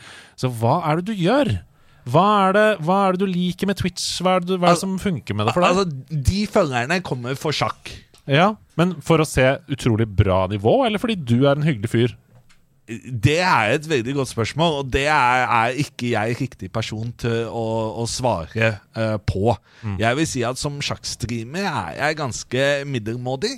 Eh, jeg er veldig god som gjest hos andre. Så jeg er ofte gjest hos uh, Hikaru, GM Hikaru, som er liksom den store på, på sjakk på Twitch. Eh, jeg er ofte gjest hos en, en venn av meg, uh, Botes Alive, eh, som, som er jo egentlig ja, eh, nest størst da, etter Hikaru. Um, og, og der på en måte Der trives jeg godt. Fordi at det som er greien med Twitch, er at så lenge du bare sitter og kødder med folk som driver og sender inn meldinger, så er det fryktelig enkelt. Altså Det er bare på en måte prate, prate, prate. Uh, si litt sånn morsomme greier, si litt provoserende greier. Eh, og så blir folk liksom litt sånn provosert, eller de synes noe er morsomt. ikke sant? Og så bare fosser det inn med meldinger. Ja. Det er veldig gøy, fordi du, du eh, eh, Alt du gjør, gjør du kompetitivt. Du skal være best, ikke sant? Det er det du sier. Og nå har du på en måte knekt koden å være, for å være programleder på TV eller influenser eller medieprofil. Du bare sier sånn Det er dritlett! Det er bare syn og provoserende, og så engasjerer alle seg. Ja, men, ja, men her, her kommer det til poenget mitt, da. Ja. At, ikke sant, uh, Alexander Botes Alive, uh, ikke sant, de Ja. har 1,1 mil Ja. uh, følgere. Uh, Hikaru har, jeg vet ikke, jeg, men sikkert 1,5. Ja. Eh, noe i den du, ikke sant? De har allerede ekstremt store uh, følgermasser. Sånn at når man er på besøk hos dem, så sitter man der med 10 000, 15 000 seere, og da kommer det masse Mm. Ja, ja. innspill hele tiden som du kan hekte deg på. Ja, Når at jeg streamer Fortnite, så har jeg ikke sant 40 seere. ja, så du må jobbe? Eh, ja, men Ikke bare det, men når jeg streamer Fortnite, så på en måte Jeg kan ikke spille Fortnite, så jeg må ha all oppmerksomheten min der. Du snakker ikke Så da er det bare på en måte å ignorere de som ser på. Det er mer streame fordi Du selger i det er- Twitch-kall godt her. Jo, jo, men det er på en måte Ja. Det er på en måte altså, du, du kaster bort tiden på en mer akseptabel måte Ja, ja, fordi at du får inn ikke sant, to dollar på eh, en, en sub. Ja. Ikke sant? Så det er enklere å rettferdiggjøre eh, en liten tre timers Fortnite-session hvis du i hvert fall har tjent to-tre dollar på det. Vi skal, vi skal videre, men jeg må bare avslutte med å si at dette er jo helt fantastisk. Du sier jo det samme som Du har den samme eh, innstillingen til rikdom som til Twitch. Du sier sånn Den første millionen, det er den som er vanskelig å tjene. Etter det så kommer det av seg sjøl. Det er det du sier om Twitch-streamere også. De første 1000 seerne, det er de som er vanskelig å få. Men etter det, da renner det inn med innhold. Du kan bare lene deg tilbake, hekte deg på alle innspillene som kommer. Jeg kan si at Hvis jeg hadde 600-800 seere uh, når jeg streamet sjakk, så hadde jeg kanskje gitt det et ordentlig forsø forsøk. Fordi ok, folkens. Da vet, dere hva, da vet dere hva dere må gjøre. Hvis vi skal få uh, Jon Ludvig Hammer til å heltidsstreame på Twitch, så er det bare å gå inn på kanalen hans, følge 600-800 må han ha. Eventuelt at alle er veldig aktive i chat hele tiden, sånn at du bare kan hekte på masse morsomme kommentarer. Det får vi til. Twitch-streamet elsker det når, ditt når beste- folk er i chat. Hva er ditt beste Twitch-tips, Hasse? Beste Twitch-tips er bare å eh, eh, si i hvert fall ett rart ord i minuttet. Sånn at folk eh, Folk kommenterer det. Sånn si eh, Prompehatt, da. Prompehatt. Så vil noen kommentere det. Da, Yes. eh, Det tok okay. han ikke til seg, Nei. men vi går videre. Ja.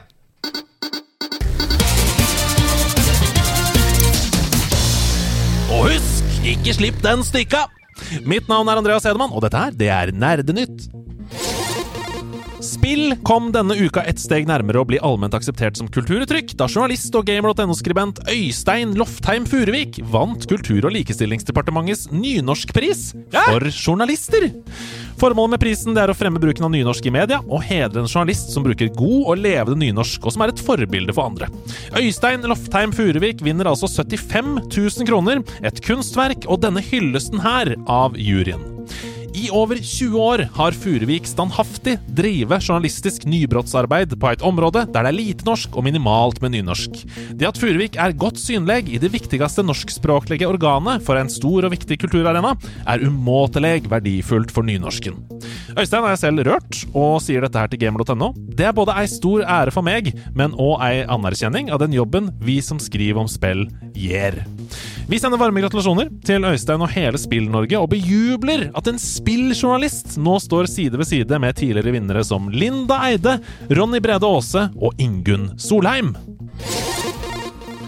Vi skal ut av landet og til et tilbakeslag for spillstudioer som tar sjanser, og som tør å være annerledes. For det Sony-eide studioet Pixel Opus legges ned og stenger dørene for godt 2.6. Det skriver pressfire.no. PlayStation Studio var best kjent for PlayStation 4-spillet Concrete Genie fra 2019. Sony bekreftet overfor IGN at beslutningen ble tatt som følge av en evaluering av PlayStation Studios-familien. Studio, som hadde som mål å lage vakre og fantasifulle spill, takker spillerne for støtten. Min kone, Camilla Jørgensen, hun takker vemodig studio for at de lagde et av hennes favorittspill gjennom tidene, den nydelige lille indie-perlen Entwined. Saudi-Arabias aldersmerkingsorgan for dataspill, Vegar, har i sosiale medier varslet at det kommende Final Fantasy 16 kommer til å bli bannlyst i landet. Det melder en rekke spillmedier. Og grunnen skal være at Square Enix nekter å dele endere av spillet for å tekkes landets lover og regler. Og nå må jeg tune ned bakgrunnsmusikken her, for dette må vi diskutere litt. De delene som det snakkes om, skal da ifølge ubekreftede rykter være at det finnes homofile personer, eller muligheter for å inngå forhold med disse i spillet. Men den offisielle offisielle grunn til bannlysningen er ikke gitt. Så Square Enix de har ikke uttalt seg enda om avgjørelsen, men vi vet jo at tidligere så har andre spillutviklere føyet seg for Saudi-Arabias sensur. For eksempel så ble en egen Midtøsten-versjon av Assassin's Creed Odyssey utgitt av Ubisoft, der alle muligheter for å inngå forhold med personer av samme kjønn ble fjernet fra spillet mm. i den Midtøsten-versjonen av spillet. Hva tenker vi om dette? Nei, det er, jo, det er, jo, en trist greie som vi ser oftere og oftere. Uh, det har jo stort sett måtte vært Kina som har vært i nyhetene pga. sånne ting. Um, og der er det litt sånn, Selv om det er veldig negativt, så kan man på en eller annen måte skjønne det, fordi det er så, det er så stort publikum, og man taper så mye penger på å ikke, ikke gi ut spill der. Mm. Fortsatt veldig, veldig kjipt. Mens her er det sånn Ja, greit, så kan ikke Saudi-Arabia få spille spillet her, da. La det gå, mm. tenker jeg. Ja. Uh, jeg tenker også at det er viktigere å være standhaftig her ja, ja, ja. Eh, og stå på uh, sitt. Nå er det jo ikke sånn at vi skal presse vår vestlige ideologi over alle eh, nasjoner i verden. Selvfølgelig, folk må få også få mene det de vil, men dette mener jeg er generelle menneskerettigheter. Mm. Um, og det mener forskningen har bevist i årevis, at man ikke kan velge hvem man forelsker seg i og uh, er glad i. så det at vi skal på en måte Eh, hva skal jeg si, sensurere homofile ut av spillkultur, bare for å tekkes et lands dessverre konservative og i min bok eh, forferdelige og menneskerettighetsbrytende regler, det blir helt feil. Eh, du har ikke noe innspill der, Jon Ludvig?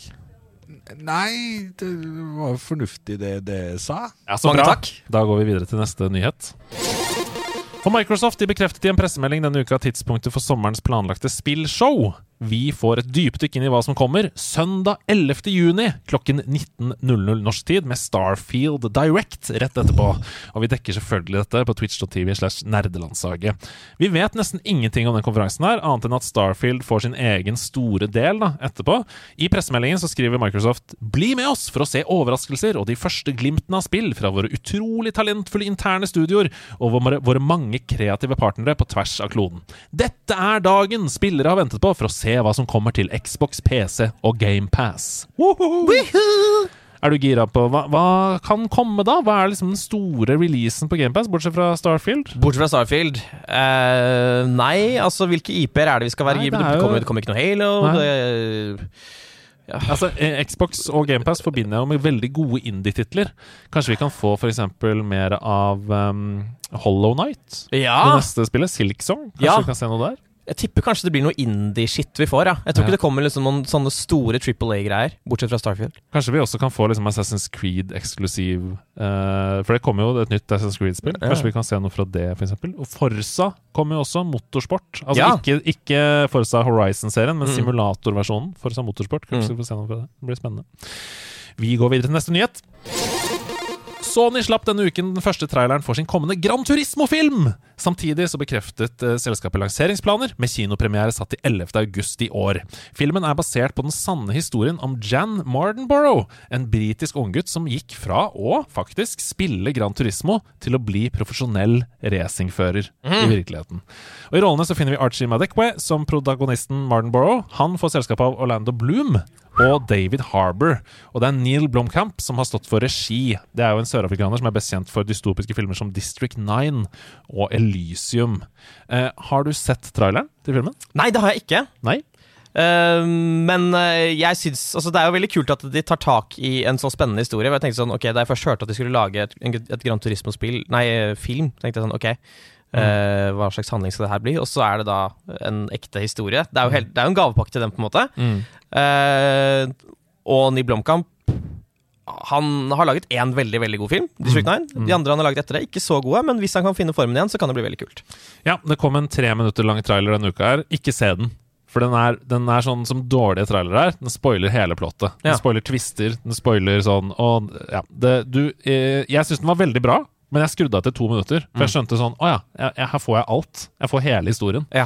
Uh, jeg syns det ser ut som en spennende film, og for Gran Turismo-fans så er det en must see, tror jeg. Ja. Um, hva skulle din uh, filmfortelling vært? Mannen som gikk fra Fortnite-spiller til å være vervet seg til militæret. Som en krigshelt. Uh, jeg, jeg vet ikke, jeg. Men, men eh, det, dette snakket om racingspill fikk meg jo til å huske Colin McRae. Ah. Ja. Wow! Uh, og så drev vi også med Det var en eller annen motorsykkel som spiste epler. ja. Ja, Elastomania! ja. Ja. Fantastisk spill! Som vi spilte på PC-ene på videregående i. Videregående? Ja, Hvor ung tror du jeg er? Jeg, jeg tipper du er uh, 28. Er ikke du født 10. februar? 1995? Er du 49? Hvor gammel er du? Jeg, jeg fyller 33 snart. Ja. Så det, det der motorsykkelgreiene Jeg husker ikke helt når det var, men det var barneskolen, slutten slutten av barneskolen eller ungdomsskolen. Jeg er da to år eldre enn deg og spilte det på videregående. Eh, så det, det var nok på PC-ene på videregående i typ sånn 15 år, tror jeg. Kanskje. Kanskje det. Vi går til, til neste nyhet, vi. Redfall, Arcane-spillet som kom i forrige uke, har gått på et enormt mageplask. Det har nå færre spillere på Steam enn Borderlands 2. Borderlands 2!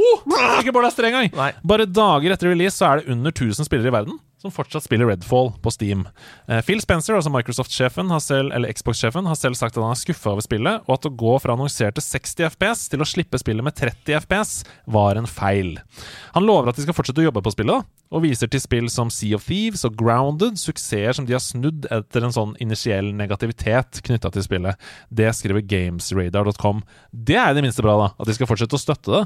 Ja, hvis det er sant, da. Eh, jeg er ikke helt sikker på om det er sant. Okay. Eh, det, bare, sånn, bare ut ifra det jeg har lest i anmeldelser og sånn, så, så er det bare, det er bare veldig kjedelig, på en måte. Ja. Det er liksom bare Hele game-mekanikken er ikke noe fet, og det er veldig tydelig at studio har hatt én tanke. Eller publisheren har hatt én ting de har lyst til å gjøre, men studio har lyst, lyst til å gjøre noe annet. da Så hvis det stemmer, for all del veldig bra. Men jeg tror dette kommer til å bare bli borte, sånn som Anthem. Ja, det tror dessverre jeg også.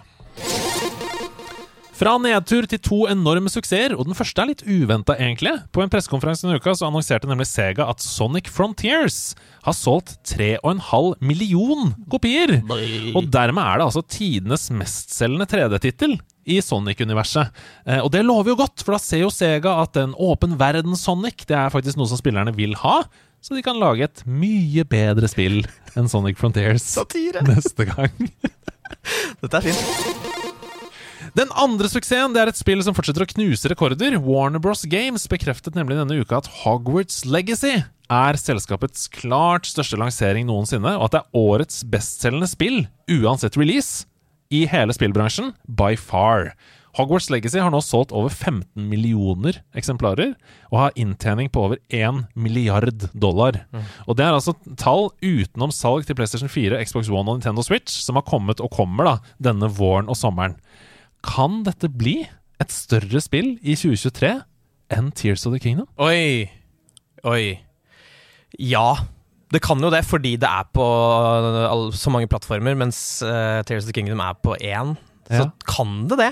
Jeg tror Breath of the Wild i hele sin levetid hittil har solgt ca. 30 millioner. Det, det er dobbelt så mange eksemplarer som Hogwarts Legacy over typ seks år. Ja, men du sa jo der at vi hadde ikke fått tallene fra PlayStation. Altså, det, For alt vi vet, så kan det være dobbelt så store tall. Ja, ja altså, Det kommer jo til Nintendo Switch i juli.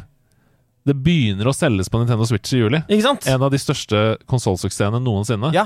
Så hvis det kan fort selge 10 millioner Ja, ja, ja. på nei, Si at det selger 3 millioner da på Nintendo Switch. Skal vi ha et veddemål? Ja. At jeg, jeg vedder eh, 17 kroner på at Hogwarts Legacy blir det mestselgende. Ved årets utgang. Ja, ved årets utgang. Åh. Ja, det har jo et forsprang, da. Mm. Det kommer jo mye tidligere. Oh, det er vanskelig. Jeg tror det blir jevnt, altså. Mm. Uh, jeg, jeg tør ikke å vedde imot. Jeg, jeg vedder imot bare for eh, show, Ja. men jeg tror du vinner. Jeg tror Hogwarts Legacy selger mer i 2023. 17 lettjente kroner. Tjente kroner. Vi går til værmeldingen, og denne uka her så er det jo bare ett spill. På fredag 12. mai kommer det som mange anser som årets største utgivelse for hele kulturuttrykket spill. The Legend of Zelda, Tears of the Kingdom. Oppfølgeren Nintendo har jobbet med i seks år! God helg. Og husk, ikke slipp den stikka. Mitt navn er Andreas Hedman, og dette her, det var Nerdenytt! Anmeldelse i nerdelandslaget. Yeah! Vi har vært, eh, noen av oss, ute i verdensrommet. Har du fått spilt Star Wars Jedi Survivor ennå? Jeg har ikke spilt Star Wars Jedi Survivor ennå. Nei! Men det har Sebastian Brynestad, og her kommer anmeldelsen hans av Star Wars Jedi Survivor.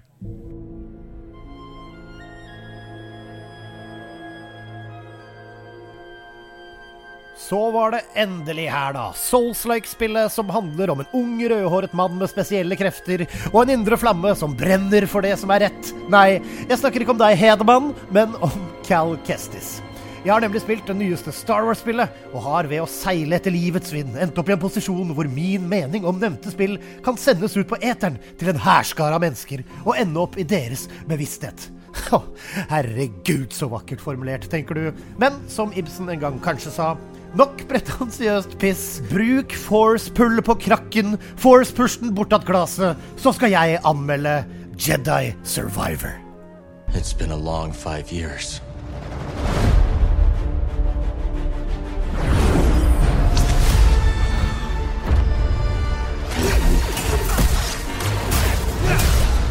We've tried to resist.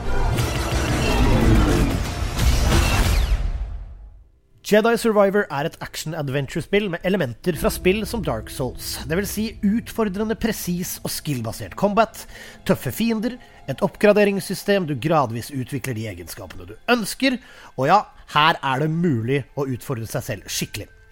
Jeg spilte på Jedi Grand Master vanskelighetsgrad, men er du keen på mer story-vibe, så er det mulig å sette ned vanskelighetsgraden når som helst. Ja. Jeg har nemlig hørt at noen, noen av Rødte liker det.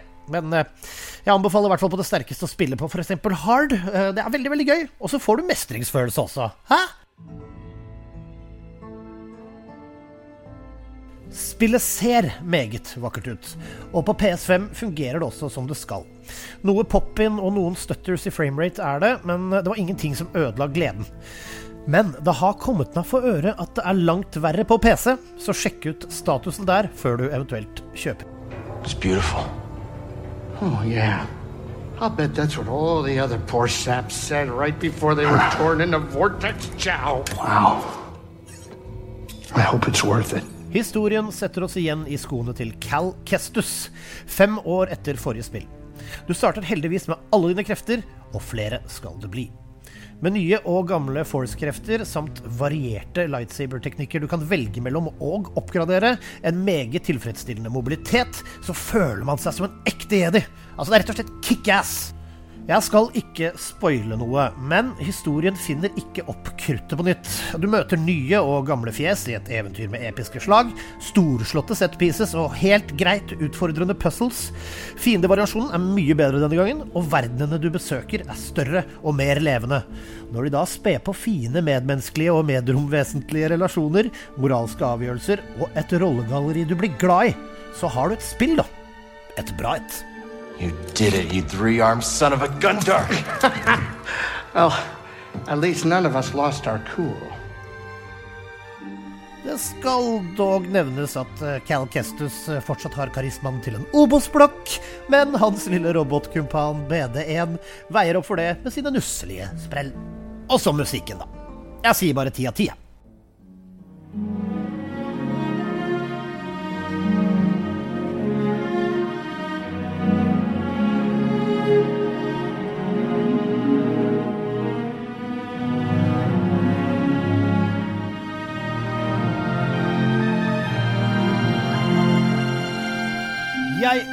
Meg med Jedi Survivor. Jeg merket dog etter de rundt 20 timene det tok å fullføre story og en del sidequests, at jeg var ferdig, men fornøyd. Jeg ble ikke gira på New Game Plus med en gang, og, og en del av sidequestene føltes litt paddete, men jeg kommer til å spille det igjen, og gleder meg til en eventuell delse. Jedi Survivor kan med trygghet anbefales alle som liker action-adventure, og det er et must-buy for Star Wars-fans. Det får med det 90 av 100 Obos-blokker med Cal Kestus-sveis og midiklorianer off the scale. Hope may feel beyond our grasp. But I think we finally found somewhere the Empire can't reach us. Imagine. No more looking over your shoulder. A place that's worth fighting for. No matter the cost.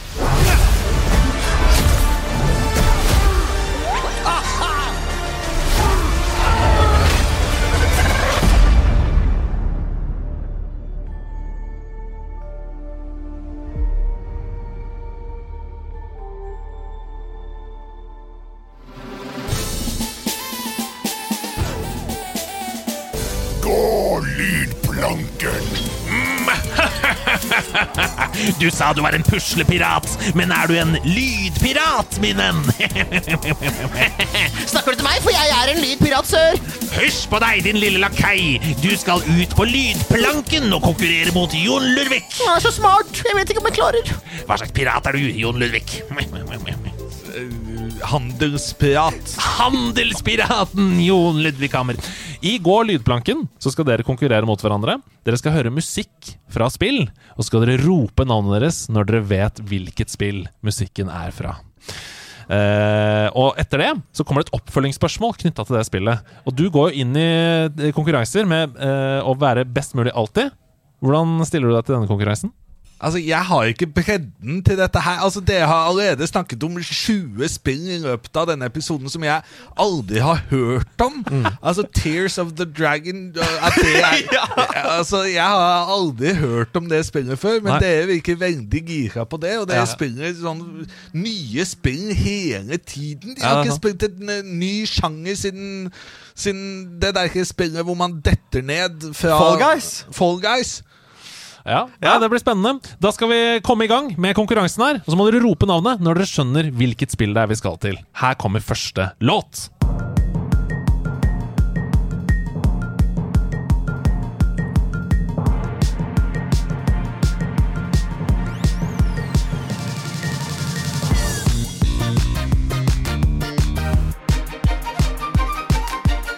Rop navnet deres. Dette er helt rått.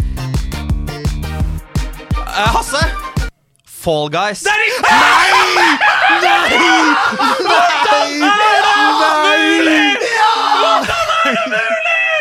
Det eneste spillet jeg faktisk kunne Jeg synes det ligna, men jeg synes ikke tonefallet var riktig. Eller. Hvordan er det mulig?! Et av de eneste spillene jeg faktisk kunne.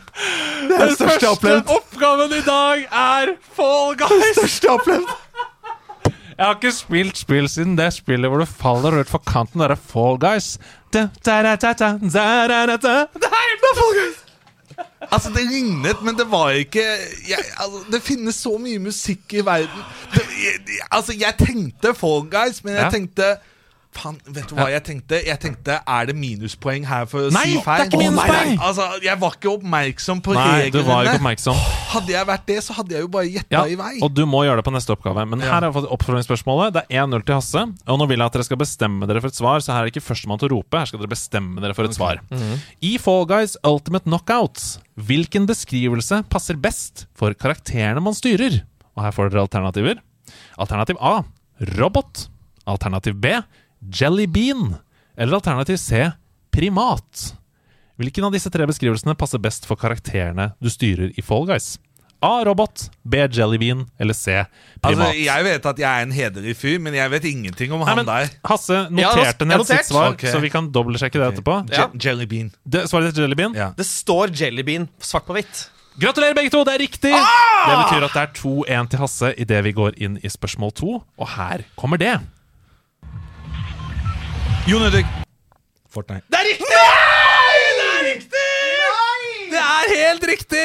Du tar det! Det er 2-2! Vi hører litt grann til. fest på bussen. Men tok, hva tok du det på?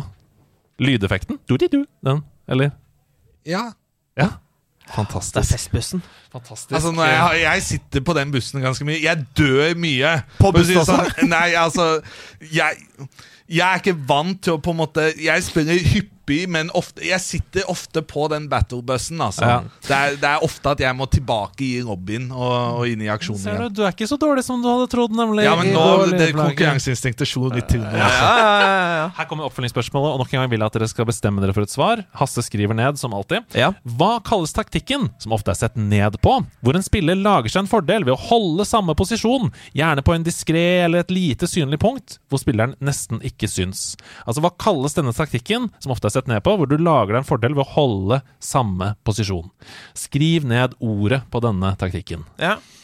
Jeg har gjort det. Hasse har skrevet ned. Det betyr at vi kan høre med deg først, Jon Ludvig. Camping. Du vil svare camping. Camping. Det er riktig! Larkollen camping! Larkollen camping, og det betyr at det er 3-3. Og her får du jo serveballer på rekke og rad. Hiding with hammer. Ja. Det, det er en taktikk jeg kjenner til. Ja, ja, ja. Og jeg må bare si det, dette er altså en lytter i nederlandslaget som heter Sebtastic, som lager disse oppgavene. Han ante ikke at du skulle være gjest. Dette er helt utrolig for meg. Ja. Alt er på linje. Universet står på linje. ja, det eneste jeg kan, er tilfeldigvis oppgavene. Ja. Okay, ja. Vi skal, han visste ikke at du skulle være gjest. I så fall er det flaut at jeg ikke vinner. Vi skal til den tredje og siste oppgaven. Hvilket spill er det vi hører her? Åh.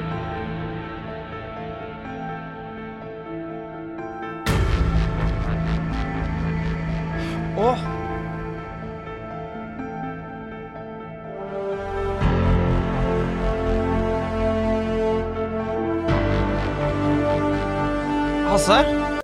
Apex Legends? Å nei, det er det ikke. Du er inne på noe?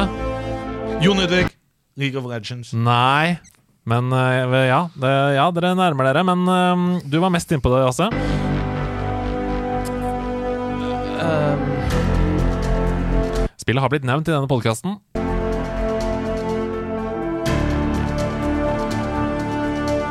Nå må jeg ha et svar. det, det, det, det, det er Call of Duty. Nei, det er det ikke.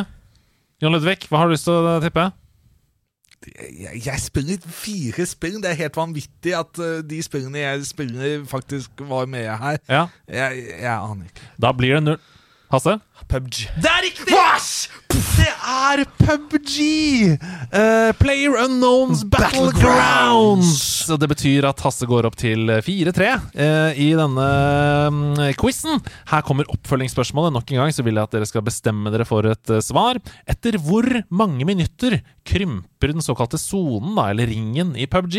Er det etter tre minutter, fem minutter eller syv minutter? Er det etter tre minutter, fem minutter eller syv minutter?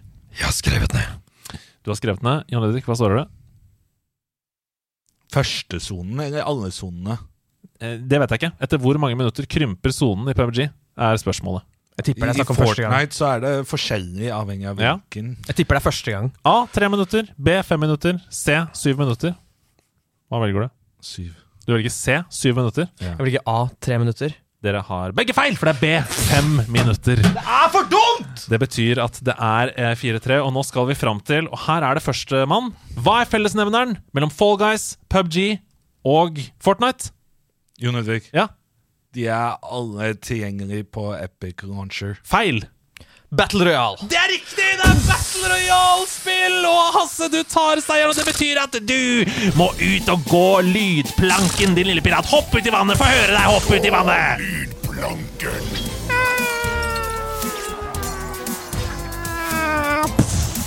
Veldig bra rollespill av at du hopper ut i vannet, Jon Ludvig. Vi skal til neste spalte. Well, actually, surely what you're saying is a balderdash of oxus feces, sausage tissue, urine talk. On, on the contrary, no, no, no, no. I beg to differ! De nerde strides. Vi er inne i De nerde strides, og Jon Ludvig, du har jo satt fyr på studio opptil flere ganger, du, hittil i denne episoden. Ja. Hva er det du har forberedt som kontroversiell mening, som du gleder deg til å provosere oss med? Ja, nå har jeg allerede provosert dere eh, med min uh, nerdet-definisjon, og jeg må jo si at eh, i, i, i programmet som deg heter har funkt, eh, så, så må det sies det er jævlig nerdete, altså. når jeg, når jeg har blitt bedre, bedre kjent med dere. Vi fikk lov til å være lærere i dag òg. Eh, fordi at det er, det er merkelige typer. Men uh, i dag så har jeg da istedenfor lyst til å angripe sjakken. Oh. Um, og eh, ta noen oppgjør der. Eh, og det oppgjøret jeg har lyst til å ta, det er gamertags i sjakk. Oi, gamertags i sjakk, ja. Ja, Uh, Og der må vi rett og slett uh, skjerpe oss. Det er ikke noe annet å si om det. Er de for dårlige, er det det du mener? Det er altfor dårlig. Ja. Uh, så min første, det var på Internet Chess Club, ICC. Eh, der het jeg Jon Ludvig i ett ord. Det er for dårlig. Eh, Magnus, han het eh, Magnus. Ja. Um, og um, for eksempel nå, da. Hikaru, som er den største på, på Twitch i, i sjakken. Ja. GM Hikaru. Ja, Så det er bare å skryte av at han er stormester. Men det gjør jo du også. GM, JLH. GM JLH er et annet nytt, godt eksempel på elendig gamertags i sjakken. Eh, så det, dette er todelt. Nummer én, jeg har lyst til å legge ut litt kritikk på mine kolleger Ja. eh, og meg selv. Eh, Men jeg har også men, lyst til å benytte anledningen, nå som jeg har et publikum som kan hjelpe til. Ja! Hva er det jeg bør prøve å, å gå, gå til? Av Ja. gamertag. Jeg trenger en gamertag, rett og slett. Ja. Og helst noe som funker. Jon Ludvig, the et eller annet Ja. hammer. For Fordi- jeg har tenkt uh, at uh, jeg må jo kalle meg selv noe med hammer. Ja. Men det blir dumt. Jon Ludvig, the hammer, hammer. Det går jo ikke. ja. Eh, så det er, det er noe det er, det, er, det er noe potensial der. Jeg synes navnet mitt Jeg har vært heldig i navnelotteriet. ja. Uh, men uh, Chatten på Twitch koker med Hammertime. De Ja. vil at du skal hete Hammertime. Jon Ludvig, Hammertime Hammer Nei, men går ikke. Du ikke ha hele Du kan bare hete Hammertime. Du trenger ikke hete Jon Ludvig Hammertime Hammer på, Ja. på Twitch. Ja, ja. Og så er det et tilleggsproblem her at um, den gamertaggen må faktisk være tilgjengelig på Twitch. Ja. Uh, og Hammer det brukernavnet har jeg prøvd å få. Ja. Eh, de har sagt 'ikke sjans i havet' at uh, det kommer til å skje. Den kontoen er for øvrig nå helt inaktiv og har Ja, vært sant. inaktiv i veldig veldig lang tid. Um, Hammertime har jeg ikke sjekket, men jeg innbiller meg at den er nok tatt. Ja. Men hva med Hammer, uh, Hammer, Hammer GM, for eksempel?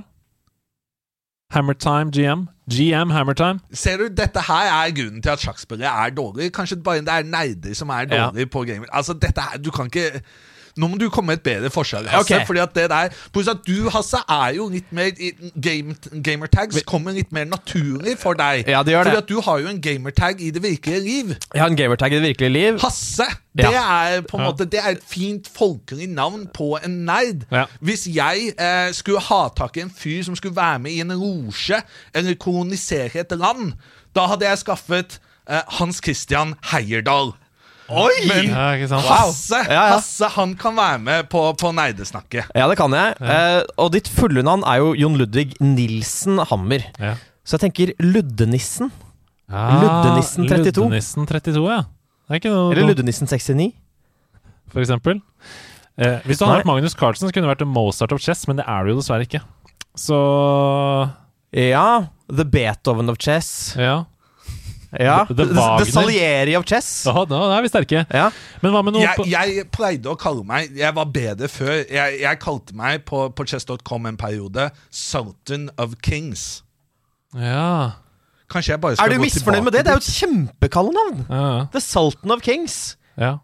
Er det, noe, er det noe ordspill på en eller annen gunner i Fortnite som kan være med checkmate, for eksempel? Er det Checkmate? I'm your checkmate! Altså, checkmate er jo sjakkmatt, men å være en checkmate, altså en venn Å ja! I'm your checkmate! I'm your checkmate! Australsk. Checkmate 69? Checkmate 69. Check me, check me out, mate! Nei.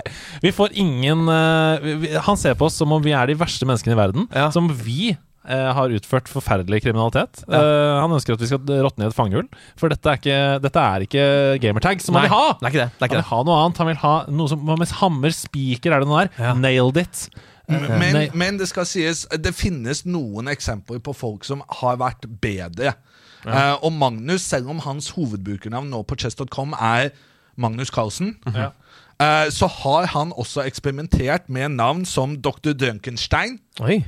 Ja. Eh, og eh, etter at det ikke funka så godt en periode, eh, også Dr. Nykterstein. Å ja, så det er de to Je- Jekyll og Hyde, ikke sant? Altså, ikke Dr. Nyrestein. Det hadde vært gøy hvis han hadde. Men eh, nå koker det i chatten på Twitch her. Veldig mange vil at du skal hete forskjellige ting. Ludvig Flåklypa Hammer, Hammer Chessmaster, Hammer Time 69, eh, Chessmaster Hammer, Ludvig Sledgehammer, Jon Ludde Hammer, eh, Ludigan, sier folk her. The Ludhammer, Chesshammer, Thor's Hammer, eh, Shame of Hammer, Hammer and Nail. The Hammer of Chess. Altså, Chanticleer sier checkmate var dritbra. Checkmate var Oi. dritbra, sier, så jeg får støtte her. Eh, Hammering your queen. Oi! Ja. Hammering your queen. ja. Litt sånn på kanten. Det er bra. Ja, Du vet jo at du skal si provoserende ting for å få reaksjoner i chatten. Ja. Ja, men, men det, Ja, for, for å bygge seg opp, men så blir jeg hengende igjen med det etter at jeg har bygget et publikum. Ja. Jeg, jeg, jeg foreslår checkmate. Jeg synes Av alt dette som har blitt foreslått eh, og nevnt, så syns jeg Sultan of Kings fortsatt står seg ganske så, veldig eget- sterkt. Hans eget. altså. Men jeg tenker også på Warhammer og Og- Pawnhammer. At du er the Pawnhammer. Du knuser de bøndene! Pawnhammer. Her kommer han. Ja, nei, det, det, nå, nå, nå er vi inne på noe her. Ja. Jeg liker jo å se bønder. Jeg får Ja. ofte kritikk for at jeg er for grisk på sjakkbrettet. Her har vi en historie også Ja. knytta til The Pawnhammer. Det, og det er viktig. Du må ha en historiefortelling. Stor rundt. P, stor H, så folk kan også si PH-verdi. Det er PH-verdi i chatten. Ja, ja, ja. Pawnhammer. Men det er også sånn pawn, ikke sant? Ja, Ja. Pawned, pawned, the pwned your hammer. Ja. Ja. yep. jupp. Pawn Stars-referanse der. Det gamle programmet på ZTV. Ok, vi eh, lukker De nerde strides der. Du har fått mange forslag. Så venter vi i spenning på å se hva som skjer på Twitch framover. The Pawnhammer.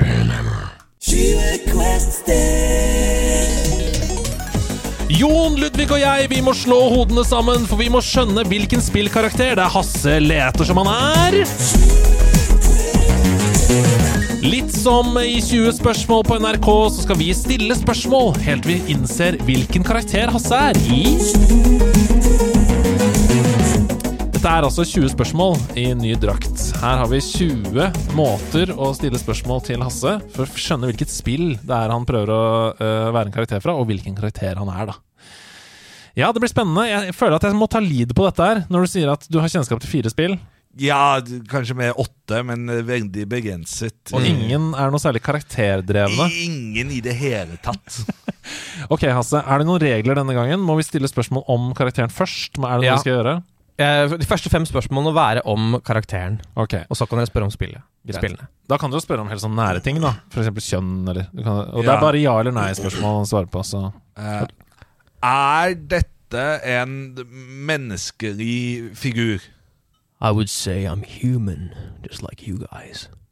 Oi, snakker Å ja, rolig. er han, han, å ja, han sier Å ja, han Å ja, nei, det var, det var et me. element til dette her. Jeg var Ja, ja. helt, eh, helt uventet på meg. Han spiller Han- han- Ja, ok. Ja. Så han, er, altså, han snakker rolig, han snakker han er sindig, snakker dypt. Um, ja, og på engelsk. ja. Men vi Det kan stille spørsmål på norsk. Han er, han er uh, Han, forstår mye, ja. Allvitende. Er det viktig for meg Ja, nei, jeg må spørre om karakteren, ja. Mm, har du er, Sliter du med relasjoner i spillet i, i verden din? I have no real friends. All I need is my equipment. Oi. Ok, så han Han ga ekstra hint der. Det var Ja. veldig sjenerøst. Ja, men han er altså en eh, loner. eh, og kanskje ikke så viktig karakter, da, med tanke på at equipment Kanskje han bare er en karakter som du som spiller skal ta i bruk for å få til noe. Litt som for eksempel i The Sims, da. Det er liksom Eller uh, sånn type spill. Um, har du noe mer du tenker på? Han er bare et verktøy. My equipment, sier han.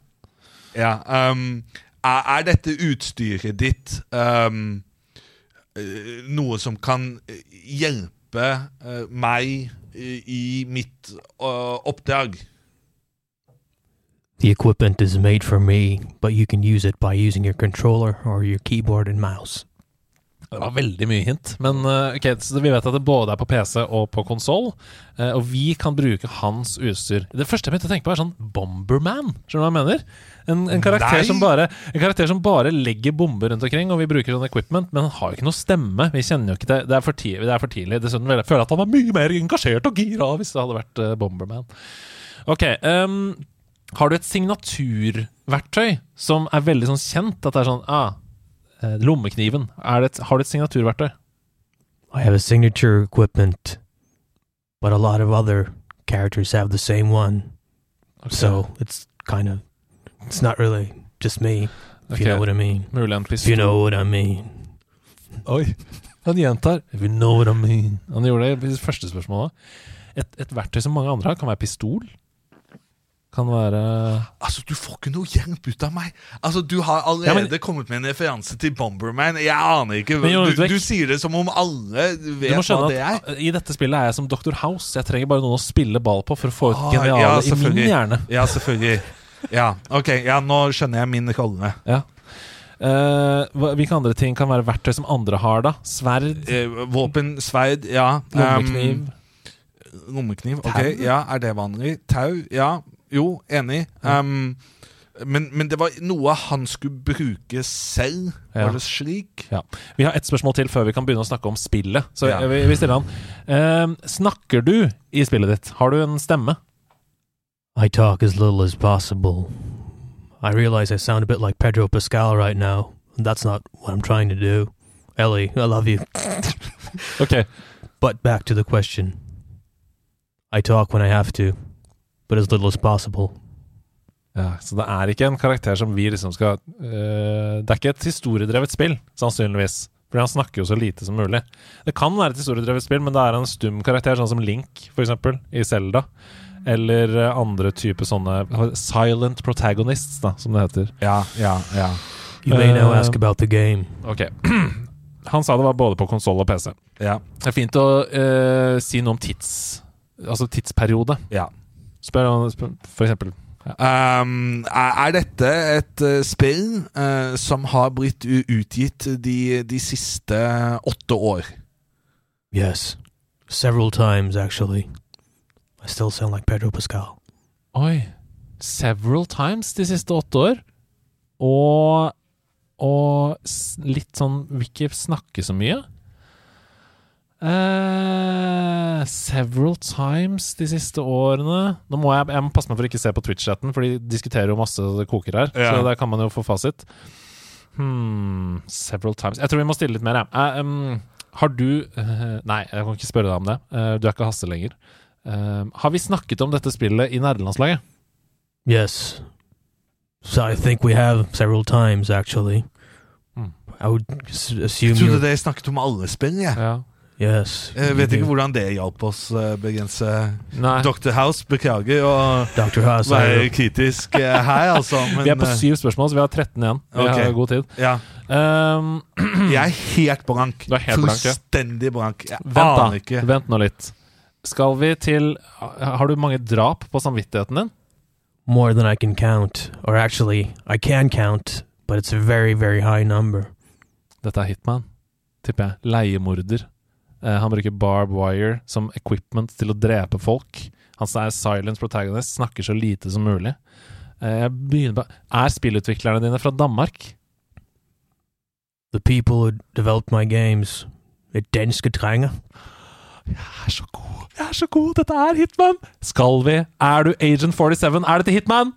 No, I'm Pedro Pascal. No, it's Hitman! Ja! Der ser du! Du lokka det fram! Du lokka det fram! Jon Ludvig! Du er min køddi i, i house. Du er sekundant! Du er min sekundant! Perfekt åpning! Du ga meg den nydeligste åpningen. Sa du nettopp at du er min køddi? Ja. Den eneste personen i House som aldri hjelper han med noen diagnoser? Ja, men hun, hun vekker noen ganger noen, så får han sånn Wow, nå, jeg, nå vet jeg hva det er. Ja, det er sant. det. Og så går han ut av rommet. Har du sett mye på House? Ja. Ja.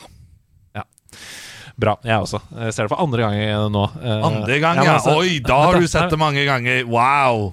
Lite imponert. Det er altså så mye. Man kan ikke si noe uten å bli roastet fra høyre. There might be clickers out there, Ellie. Du er god på det. Du må, du må perfeksjonere Pedro Pascal-parodien din. Jeg, jeg må være også ganske hard på de tingene jeg kan. Fordi at eh, når vi nå går gjennom eh, på en måte en masse sjangerspill jeg er fullstendig blank på Ja. jeg, jeg må på en måte ja, vise min tilstedeværelse der jeg kan, da. Mm. Og nå skal du få vise din tilstedeværelse til de som hører på. Vi har jo en enorm korktavle her i studio der hvor folk sender inn lapper. Eh, Vi henger dem opp med eh, tegnestifter, og vi drar ned noen av lappene hver uke for å svare på dem. Så her kommer det noen spørsmål fra de som hører på, som vi skal prøve å svare på så godt vi kan. Eh, Jon Ludvig ser rundt seg, og han ser jo da den enorme korktavlen til høyre for seg. Den ene retningen vi ikke har kamera, for vi hadde ikke råd til å ha fire kameraer, så der ser du korktavlen. Eh, er den ikke fin? Ja, den var veldig fin. Ja, så bra. Hei! Jeg elsker de nyeste episodene med nederlandslaget. Eh, tusen takk for det. Veldig hyggelig. Gamle er også gode. De gamle er også gode. Jeg tenkte bare å komme med et tips. Igjen så antar jeg at dere vet dette, men ikke det er ikke alle som lytter som vet det, kanskje. Epic Games gir bort nye spill typ en gang i uka, så lenge man bare husker å claime dem. Eh, spill som er opptil verdi av nesten 300 kroner. Dette må du høre. Oh, dette vet jeg om allerede! Ja, ja, ja, ja. Det, kan ikke det, det skal det ikke være noe tvil om. Jeg kjøpte et 3D-sjakkspill. Eller kjøpte og kjøpte. Uh, Sikra meg en gratisversjon Ja. eh, av et 3D-sjakkspill her forleden uke. Perfekt. Akkurat nå er det altså Cow Kangaroo og Horizon Chase Turbo. Mm, det har jeg spilt, det er veldig bra. Horizon Chase, Turbo. Jeg har fått tak i så mange spill gjennom dette, så jeg tenkte kanskje det var verdt å nevne det for laget. God kveld. Tusen takk for det. SN1K. Snenk? Eller, Snenk. eller Sneak med S, da. I så fall så har vi flere sneak på laget. Det er fantastisk. Takk for det. Her er neste spørsmål. Ja, men jo, det var det oppfølgingsspørsmål. Har dere fått tak i noen spill på denne måten? Og det sa du jo nå nettopp. Ja, eh, jeg har også fått en uh, gratisversjon av eh, Civilization. Ja. Uh, men det hadde jeg jo fra før på Steam. Jeg vet jeg, jeg, jeg bare Altså, det var gratis, så jeg bare Det er bra spill. Hva med deg, Hasse? Er du flink til å claime sånne tilbud som kommer? I Epic Launcher eller andre steder? Ja, jeg har alltid hatt på en sånn kalendervarsel på når eh, Sony slipper, har sluppet sine PlayStation Plus-gratisspill. Så bare laste jeg ned. Det er ikke alltid jeg spiller det, men det er kjekt å laste ned. Nei, bare legge det i library. Man trenger ikke å laste den engang. Man kan Nei, bare nei, legge det i library, og så, og så kan du laste den ned seinere, hvis du vil det. da Uh, Hva tenker vi da om alle disse ulike launcherne? Alle de ulike abonnementstjenestene som er? Uh, er det for mye? Er det, hva tenker dere? Nei, jeg syns ikke det er for mye. Fordi for, i, I motsetning til for streamingtjenester, så der betaler du en fast sum i måneden. Men sånn det å ha liksom Epic Games Launcher og det å ha Origin. Steam og sånn, det koster meg ikke noe ekstra. Det må være fint, det. At det er konkurranse. Ja. Nei, men så fint, da. Da tar vi det. Eh, Haaland, altså vår alles kjære fotballspiller Eller ikke, ikke alles kjære fotballspiller, men spissen på vårt landslag og bøtter inn for Manchester City. Han sa i går i et intervju at han skal hjem og spille TV-spill. Men når han ble spurt om hva han spilte, så svarte han "Um, That is too embarrassing to say. Hva, tro, Sikkert Travian. hva, tror dere han, hva tror han spiller? Og dette må dere finne ut av. Dette er jo potensial til å bli Norges fremste, i hvert fall mest kjente spillambassadør. Hilsen Mathias. Hva tror dere han spiller? Du sa Travian? Eh, ja, nei, Travian er jo nett, nettbasert, da. Eh, nei, jeg, jeg tror um Jeg tror Fortnite. Eh, jeg tror det er noe folk ville skammet seg over. Samtidig så har jeg sett på eh, dere er i, uh, sammen med Harry Kane spille Fortnite på Twitch. Uh, det var eh, Det var en opplevelse. Eh, så jeg tipper det, det, det Altså, fotballspillere de skal jo på en måte de trener jo, og de er på en måte på treningsfeltet en god stund. Mm. men mye av den tiden tror jeg de bare spiser og på en måte henger og, og har det gøy, på en måte. Du kan jo ikke trene for mye i fotball. Nei. Eh, I motsetning til sjakk. ikke sant? Jeg kan holde på med sjakk i tolv timer. Fotball holder du på med en jeg vet ikke, fem-seks timer, så er det sikkert uh, Ja, så blir du skada. Um, så, så de har jo mye fritid. Jeg har mye fritid, selv om jeg kunne brukt den mer nyttig. Eh, og de har i hvert fall masse fritid, så jeg har inntrykk av at det går mye ja, for eksempel i Fortnite, da. I hvert fall i Tottenham-gjengen. Jeg Jeg husker syns- ikke hvem den tredje Tottenham-spilleren var. Jeg syns argumentet ditt faller fordi Fortnite er ikke flaut, fordi alle fotballspillere spiller det. Så hvorfor er det Hva tenker du, Hasse? Ja, jeg tror ikke det er et sexspill, for det, er, det lages veldig veldig få sexspill. Eh, det lages en del i Japan, selvfølgelig, men jeg tror ikke han har noe kjennskap til det. Eh, så jeg tror kanskje heller at det er liksom barnslig. At det Ja, er. Pokémon eller uh, Harry Potter. At det er sånn No, it's too embarrassing because that's for, uh, that's for the kids. Ja, you for det know. er det jeg tenker også. Mm. Hvis han syns Fortnite er flaut, så er det fordi det er tegneserie, liksom. Ja. Det syns jo ikke vi er flaut, men uh, det kan hende han syns det er flaut. Men alle som sagt, alle fotballspillere spiller Fortnite, og man vet jo at f.eks. Zoares spiller Fortnite, liksom. Ja. Um, jeg tenker Kanskje det kan være Ja, Pokémon er et godt tips, men kanskje det kan være um, Genshin Impact. Litt rare japanske JRPG-er. Ja. Kan han spille gjennom hele Yakuza-serien? Ja. ja, men kanskje han koser seg med sånn anime, sånn manga. Det, altså, det Doki var utrolig fett hvis han var supernerd på en veldig snever Jeg har liksom følelsen at han er litt Ja. At han gamer, gamer hele livet, liksom. Han er jo en ny generasjon. De har jo vokst opp med spill. Mm. Nei, det, fortsett å diskutere i chatten, folkens, hva dere tror det er. Jeg tror det er et eh, litt rart uh, japansk uh, eh, spill, med kanskje litt rart kvinnesyn også, tenker jeg, kan jeg se for meg. Hei! Vi er på påsketur, og vi har en liten diskusjon gående i bilen. Bra. Bra med diskusjon. Når jeg har tatt sistebossen i et spill, så klarer jeg aldri å gå tilbake for å ta flere sidequests eller gjøre noe mer i spillet generelt. Jeg er da helt ferdig med spillet, og jeg syns det er en veldig trist opplevelse. Men min bedre halvdel klarer alltid å gå tilbake til spillet etterpå for å ta flere sidequests, springe rundt og være helt overpowered, høvle ned alt og alle.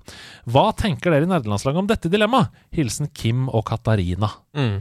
Kona mi har det på samme måten. Har ikke tatt Ganon i Breath of the Wild fordi spillet hadde dødd for henne Ja, da. sånn er jeg helt lik. Ja. Så jeg, jeg, jeg gjør alle sidequests og venter gjerne til jeg er så overpowered at siste boss ikke er noe vanskelig i det hele tatt. Og så Ja. angrer jeg litt mot etter det. Ja. Så jeg kjenner meg veldig igjen. Hmm. Det er liksom Når du har gjort det ultimate, så er det kjipt å dra på en fetch quest etter du liksom har drept den største ondskapen i universet. Mm. Jeg skjønner hva du mener. Eh, hva tenker du, Jon Ludvig, om dette rare dilemmaet? Du har jo aldri stått i denne situasjonen. Nei, jeg, jeg, det er jo en type spill jeg ikke involverer meg veldig mye i. Men det får meg til å tenke på noe jeg egentlig hadde lyst til å nevne Ja. uh, tidligere, men anledningen passet seg liksom ikke. Um, jeg synes et problem med spill er at um, det er for lett.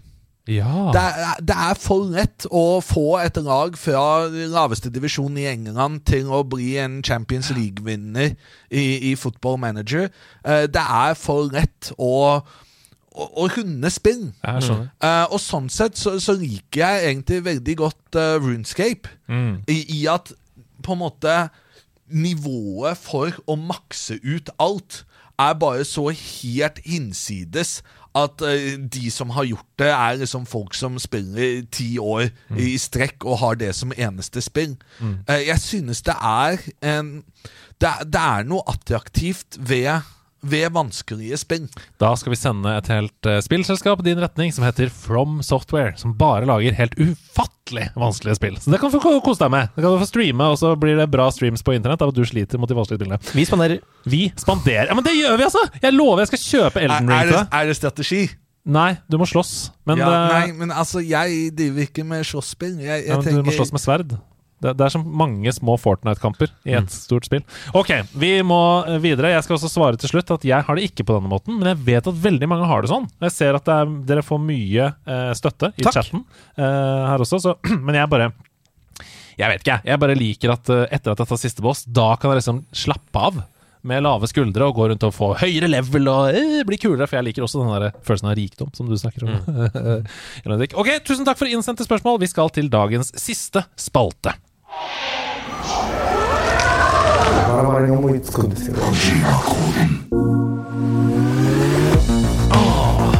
Ja! Er nede i Tokyos underverden. Vi skal løse Kojima-koder sammen med Jon Ludvig Hammer.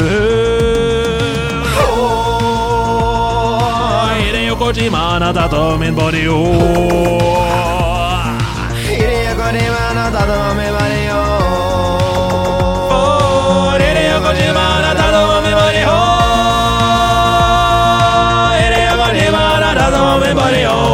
Velkommen til Kojima-koden! Vi er nede i Tokyos underverden, og Jon Ludvig ler seg i hjel, hjel, hjel, hjel, hjel. For dette her, det syns han ikke er spesielt nerdete. Folk som synger i kor, det liker han ikke godt å høre på. Nei, altså Det er noe Jeg vet ikke om nerdete er det riktige ordet, men det er definitivt uh, spesielt. det er deilig. Vi er som Bardar-elever. Ja, det er det vi er! I Kojima-koden så skal vi løse rebuser. Vi har gjemt et spill inne i en rebus, og du skal prøve å finne ut hvilket spill det er. Og Først så er det dere som må slå hodene sammen og skjønne min rebus. Så her kommer første ledd i rebusen. Forstå hvilket spill det er vi skal fram til. Et spill der du entrer en digital skute.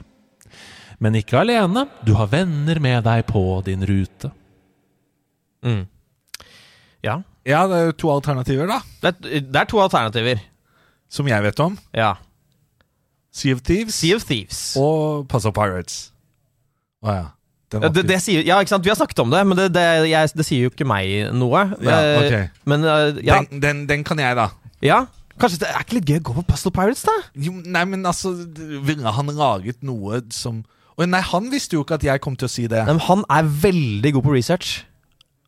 Han har sikkert lest seg opp på alt som er er å finne med. jeg, jeg, har, jeg har streamet litt Puzzle Pirates dette året. Ja, Ja. det er nettopp det. Ja. Skal vi gi ham den, eller? ja, vi prøver den. Ja. Puzzle Pirates. Du må pumpe ut vann og snekre noen skader, men Yes! det får du kun til om du pusler med pirater! Det er helt riktig! Det er Puzzle Pirates! Og det er to poeng for å løse det i første ledd til dere to. Gratulerer! Hæ? Ja. Det er researchen sin, og det er hjernen sin. Ja, nei, ja, nei det, var, det var litt for enkelt. Det er, spill er bedre når det er litt, litt vanskelighetsgrad med det. Det kan jeg løse opp i. Ok, for her kommer Hasse sin Kojima-kode. Nå må vi jobbe sammen. Ja, okay. Trå ned i kjellerstuen til en gammel plasmaskjerm. Der møtes drøm og latter, for nå skal dere herme. Vennegjengen samles, og snart skal dere dra. Men først må dere lage noe som stygt vil bli. Å ja. Ok, så et spill fra PlayStation 2-ish-æraen. Plasmaskjerm nede. PlayStation 2, PlayStation 3, kanskje. Eh, Hvor, hvorfor var det åpenbart? fordi han sier eh, ned i kjellerstuen til en plasmaskjerm. Det er oh, ja, ikke det- plasma, det er Ja, det er det nesten ingen som har lenger. Okay. Eh, og dere skal spille sammen, og dere skal herme. Men det skal være stygt. Ja, men dere skal, dere skal herme Å, kanskje det er et sånt spill som går først, så skal noen tegne noe, og så skal de neste tegne etterpå. Dere skal lage noe sammen. Det blir stygt. Dere skal herme. Det høres ut som et partyspill. Kan, kan vi få det lest opp på nytt? Ja, det kan vi. Trå ned i kjellerstuen til en gammel plasmaskjerm. Der møtes drøm og latter, for nå skal dere herme. Vennegjengen samles, og snart skal dere dra. Men først må dere lage noe som stygt vil bli. Å ja. Er det herm han sier? Ja. Herm. Drøm og fantasier. Dere skal herme. Um, og lage noe sammen som blir stygt. Jeg ser at det kommer masse masse meldinger inn i chatten på Twitch. Jeg ser det bare i sidesynet, så jeg vet ikke hva det er de sier. Men det er åpenbart at noen har skjønt det her i chatten. Um, hmm. Jeg har ingenting, jeg. jeg. Jeg sitter og tenker på sånn Altså, Jeg kan ikke noe konsollspill. Nei, jeg sitter og tenker på sånn uh, That's you! Og uh, ikke minst sånn um, uh, Jackbox og sånne partyspill. Men jeg kommer ikke på noe. Jeg tror vi må ha neste ledd også. Ja. Jeg, jeg, jeg sier That's you på PlayStation. Det er feil. A, B, C, D. Men ikke for å skrive. E, F, G, H. Prøv å ligne en skive. Du hjelpes jo på veien, men det har ikke noe å si. Med mindre du er født med visse evner. Å, det er Singstar. Det er Singstar. Der skal du jo A, B, C, D, E, F, G, H er jo eh, noter. Eh, og du skal herme etter hi, hi, hi, hi, hi, hi, som går opp og ned. Dere skal lage noe sammen, og det blir stygt. Ja, det blir stygt fordi de Kanskje det er en stygt. sånn dual-versjon av Singstar? Man, man Jeg- synger stygt, kanskje? Altså, De fleste synger stygt, tror jeg. Altså, Selv om du treffer notene på Ja. Singstar, så betyr det ikke at du er den Og det nye er vors! Dere skal snart dra. Det er vors med Singstar, og så skal de ut på byen etterpå etter å ha sunget næ, næ, næ, sammen. Ja, Men hvorfor må det være Singstar? Kan det ikke være et annet karaokespill? Ja, det er sant, det. Og det kan være et rockband. Det kan være andre sånne type spill. Uh, men stygt skal det bli. In, mm. Ja, bare Han si har ikke sagt noe om instrumenter. Nei, han har ikke det. Men jeg føler at det er et hint i det der sammen. Ja. Du hadde et godt poeng der, at sammen kunne være at Kanskje det er noen spill man Fordi at Singstar Jeg føler det gjorde vi alltid én og én. ja, men det kan være duett. Singstar duets. Det fins. Ja, men det er ikke et eget spill. Det er bare Ja, det er bare mode. Ja, ok Jeg- vet ikke. Vi må bare svare Singstar. Ja, jeg syns det var et godt forsøk. Ja, vi spiller Singstar. Så takk, kjære stjerne, for øyeblikk gitt, med toner som binder og vennskap meg gitt. Vi roper i glede, og treffer vi tonen, så får vi poeng og vinner sangtronen. Ja da! Den var fin. Den var vanskelig å ta på første. ass Ah. Vanskelig på første, men du er god. Herme etter eh, den i Ja, ja, ja. For det handler ikke om å synge bra. Det handler bare om å herme etter streken. Streken! Ja, fantastisk. Jon Ludvig Hammer, vi har sittet her i to timer. Vi har kommet til veis ende i nerdelandslaget. For en utrolig gøyal episode! Veldig. Ja, takk for, for opplevelsen.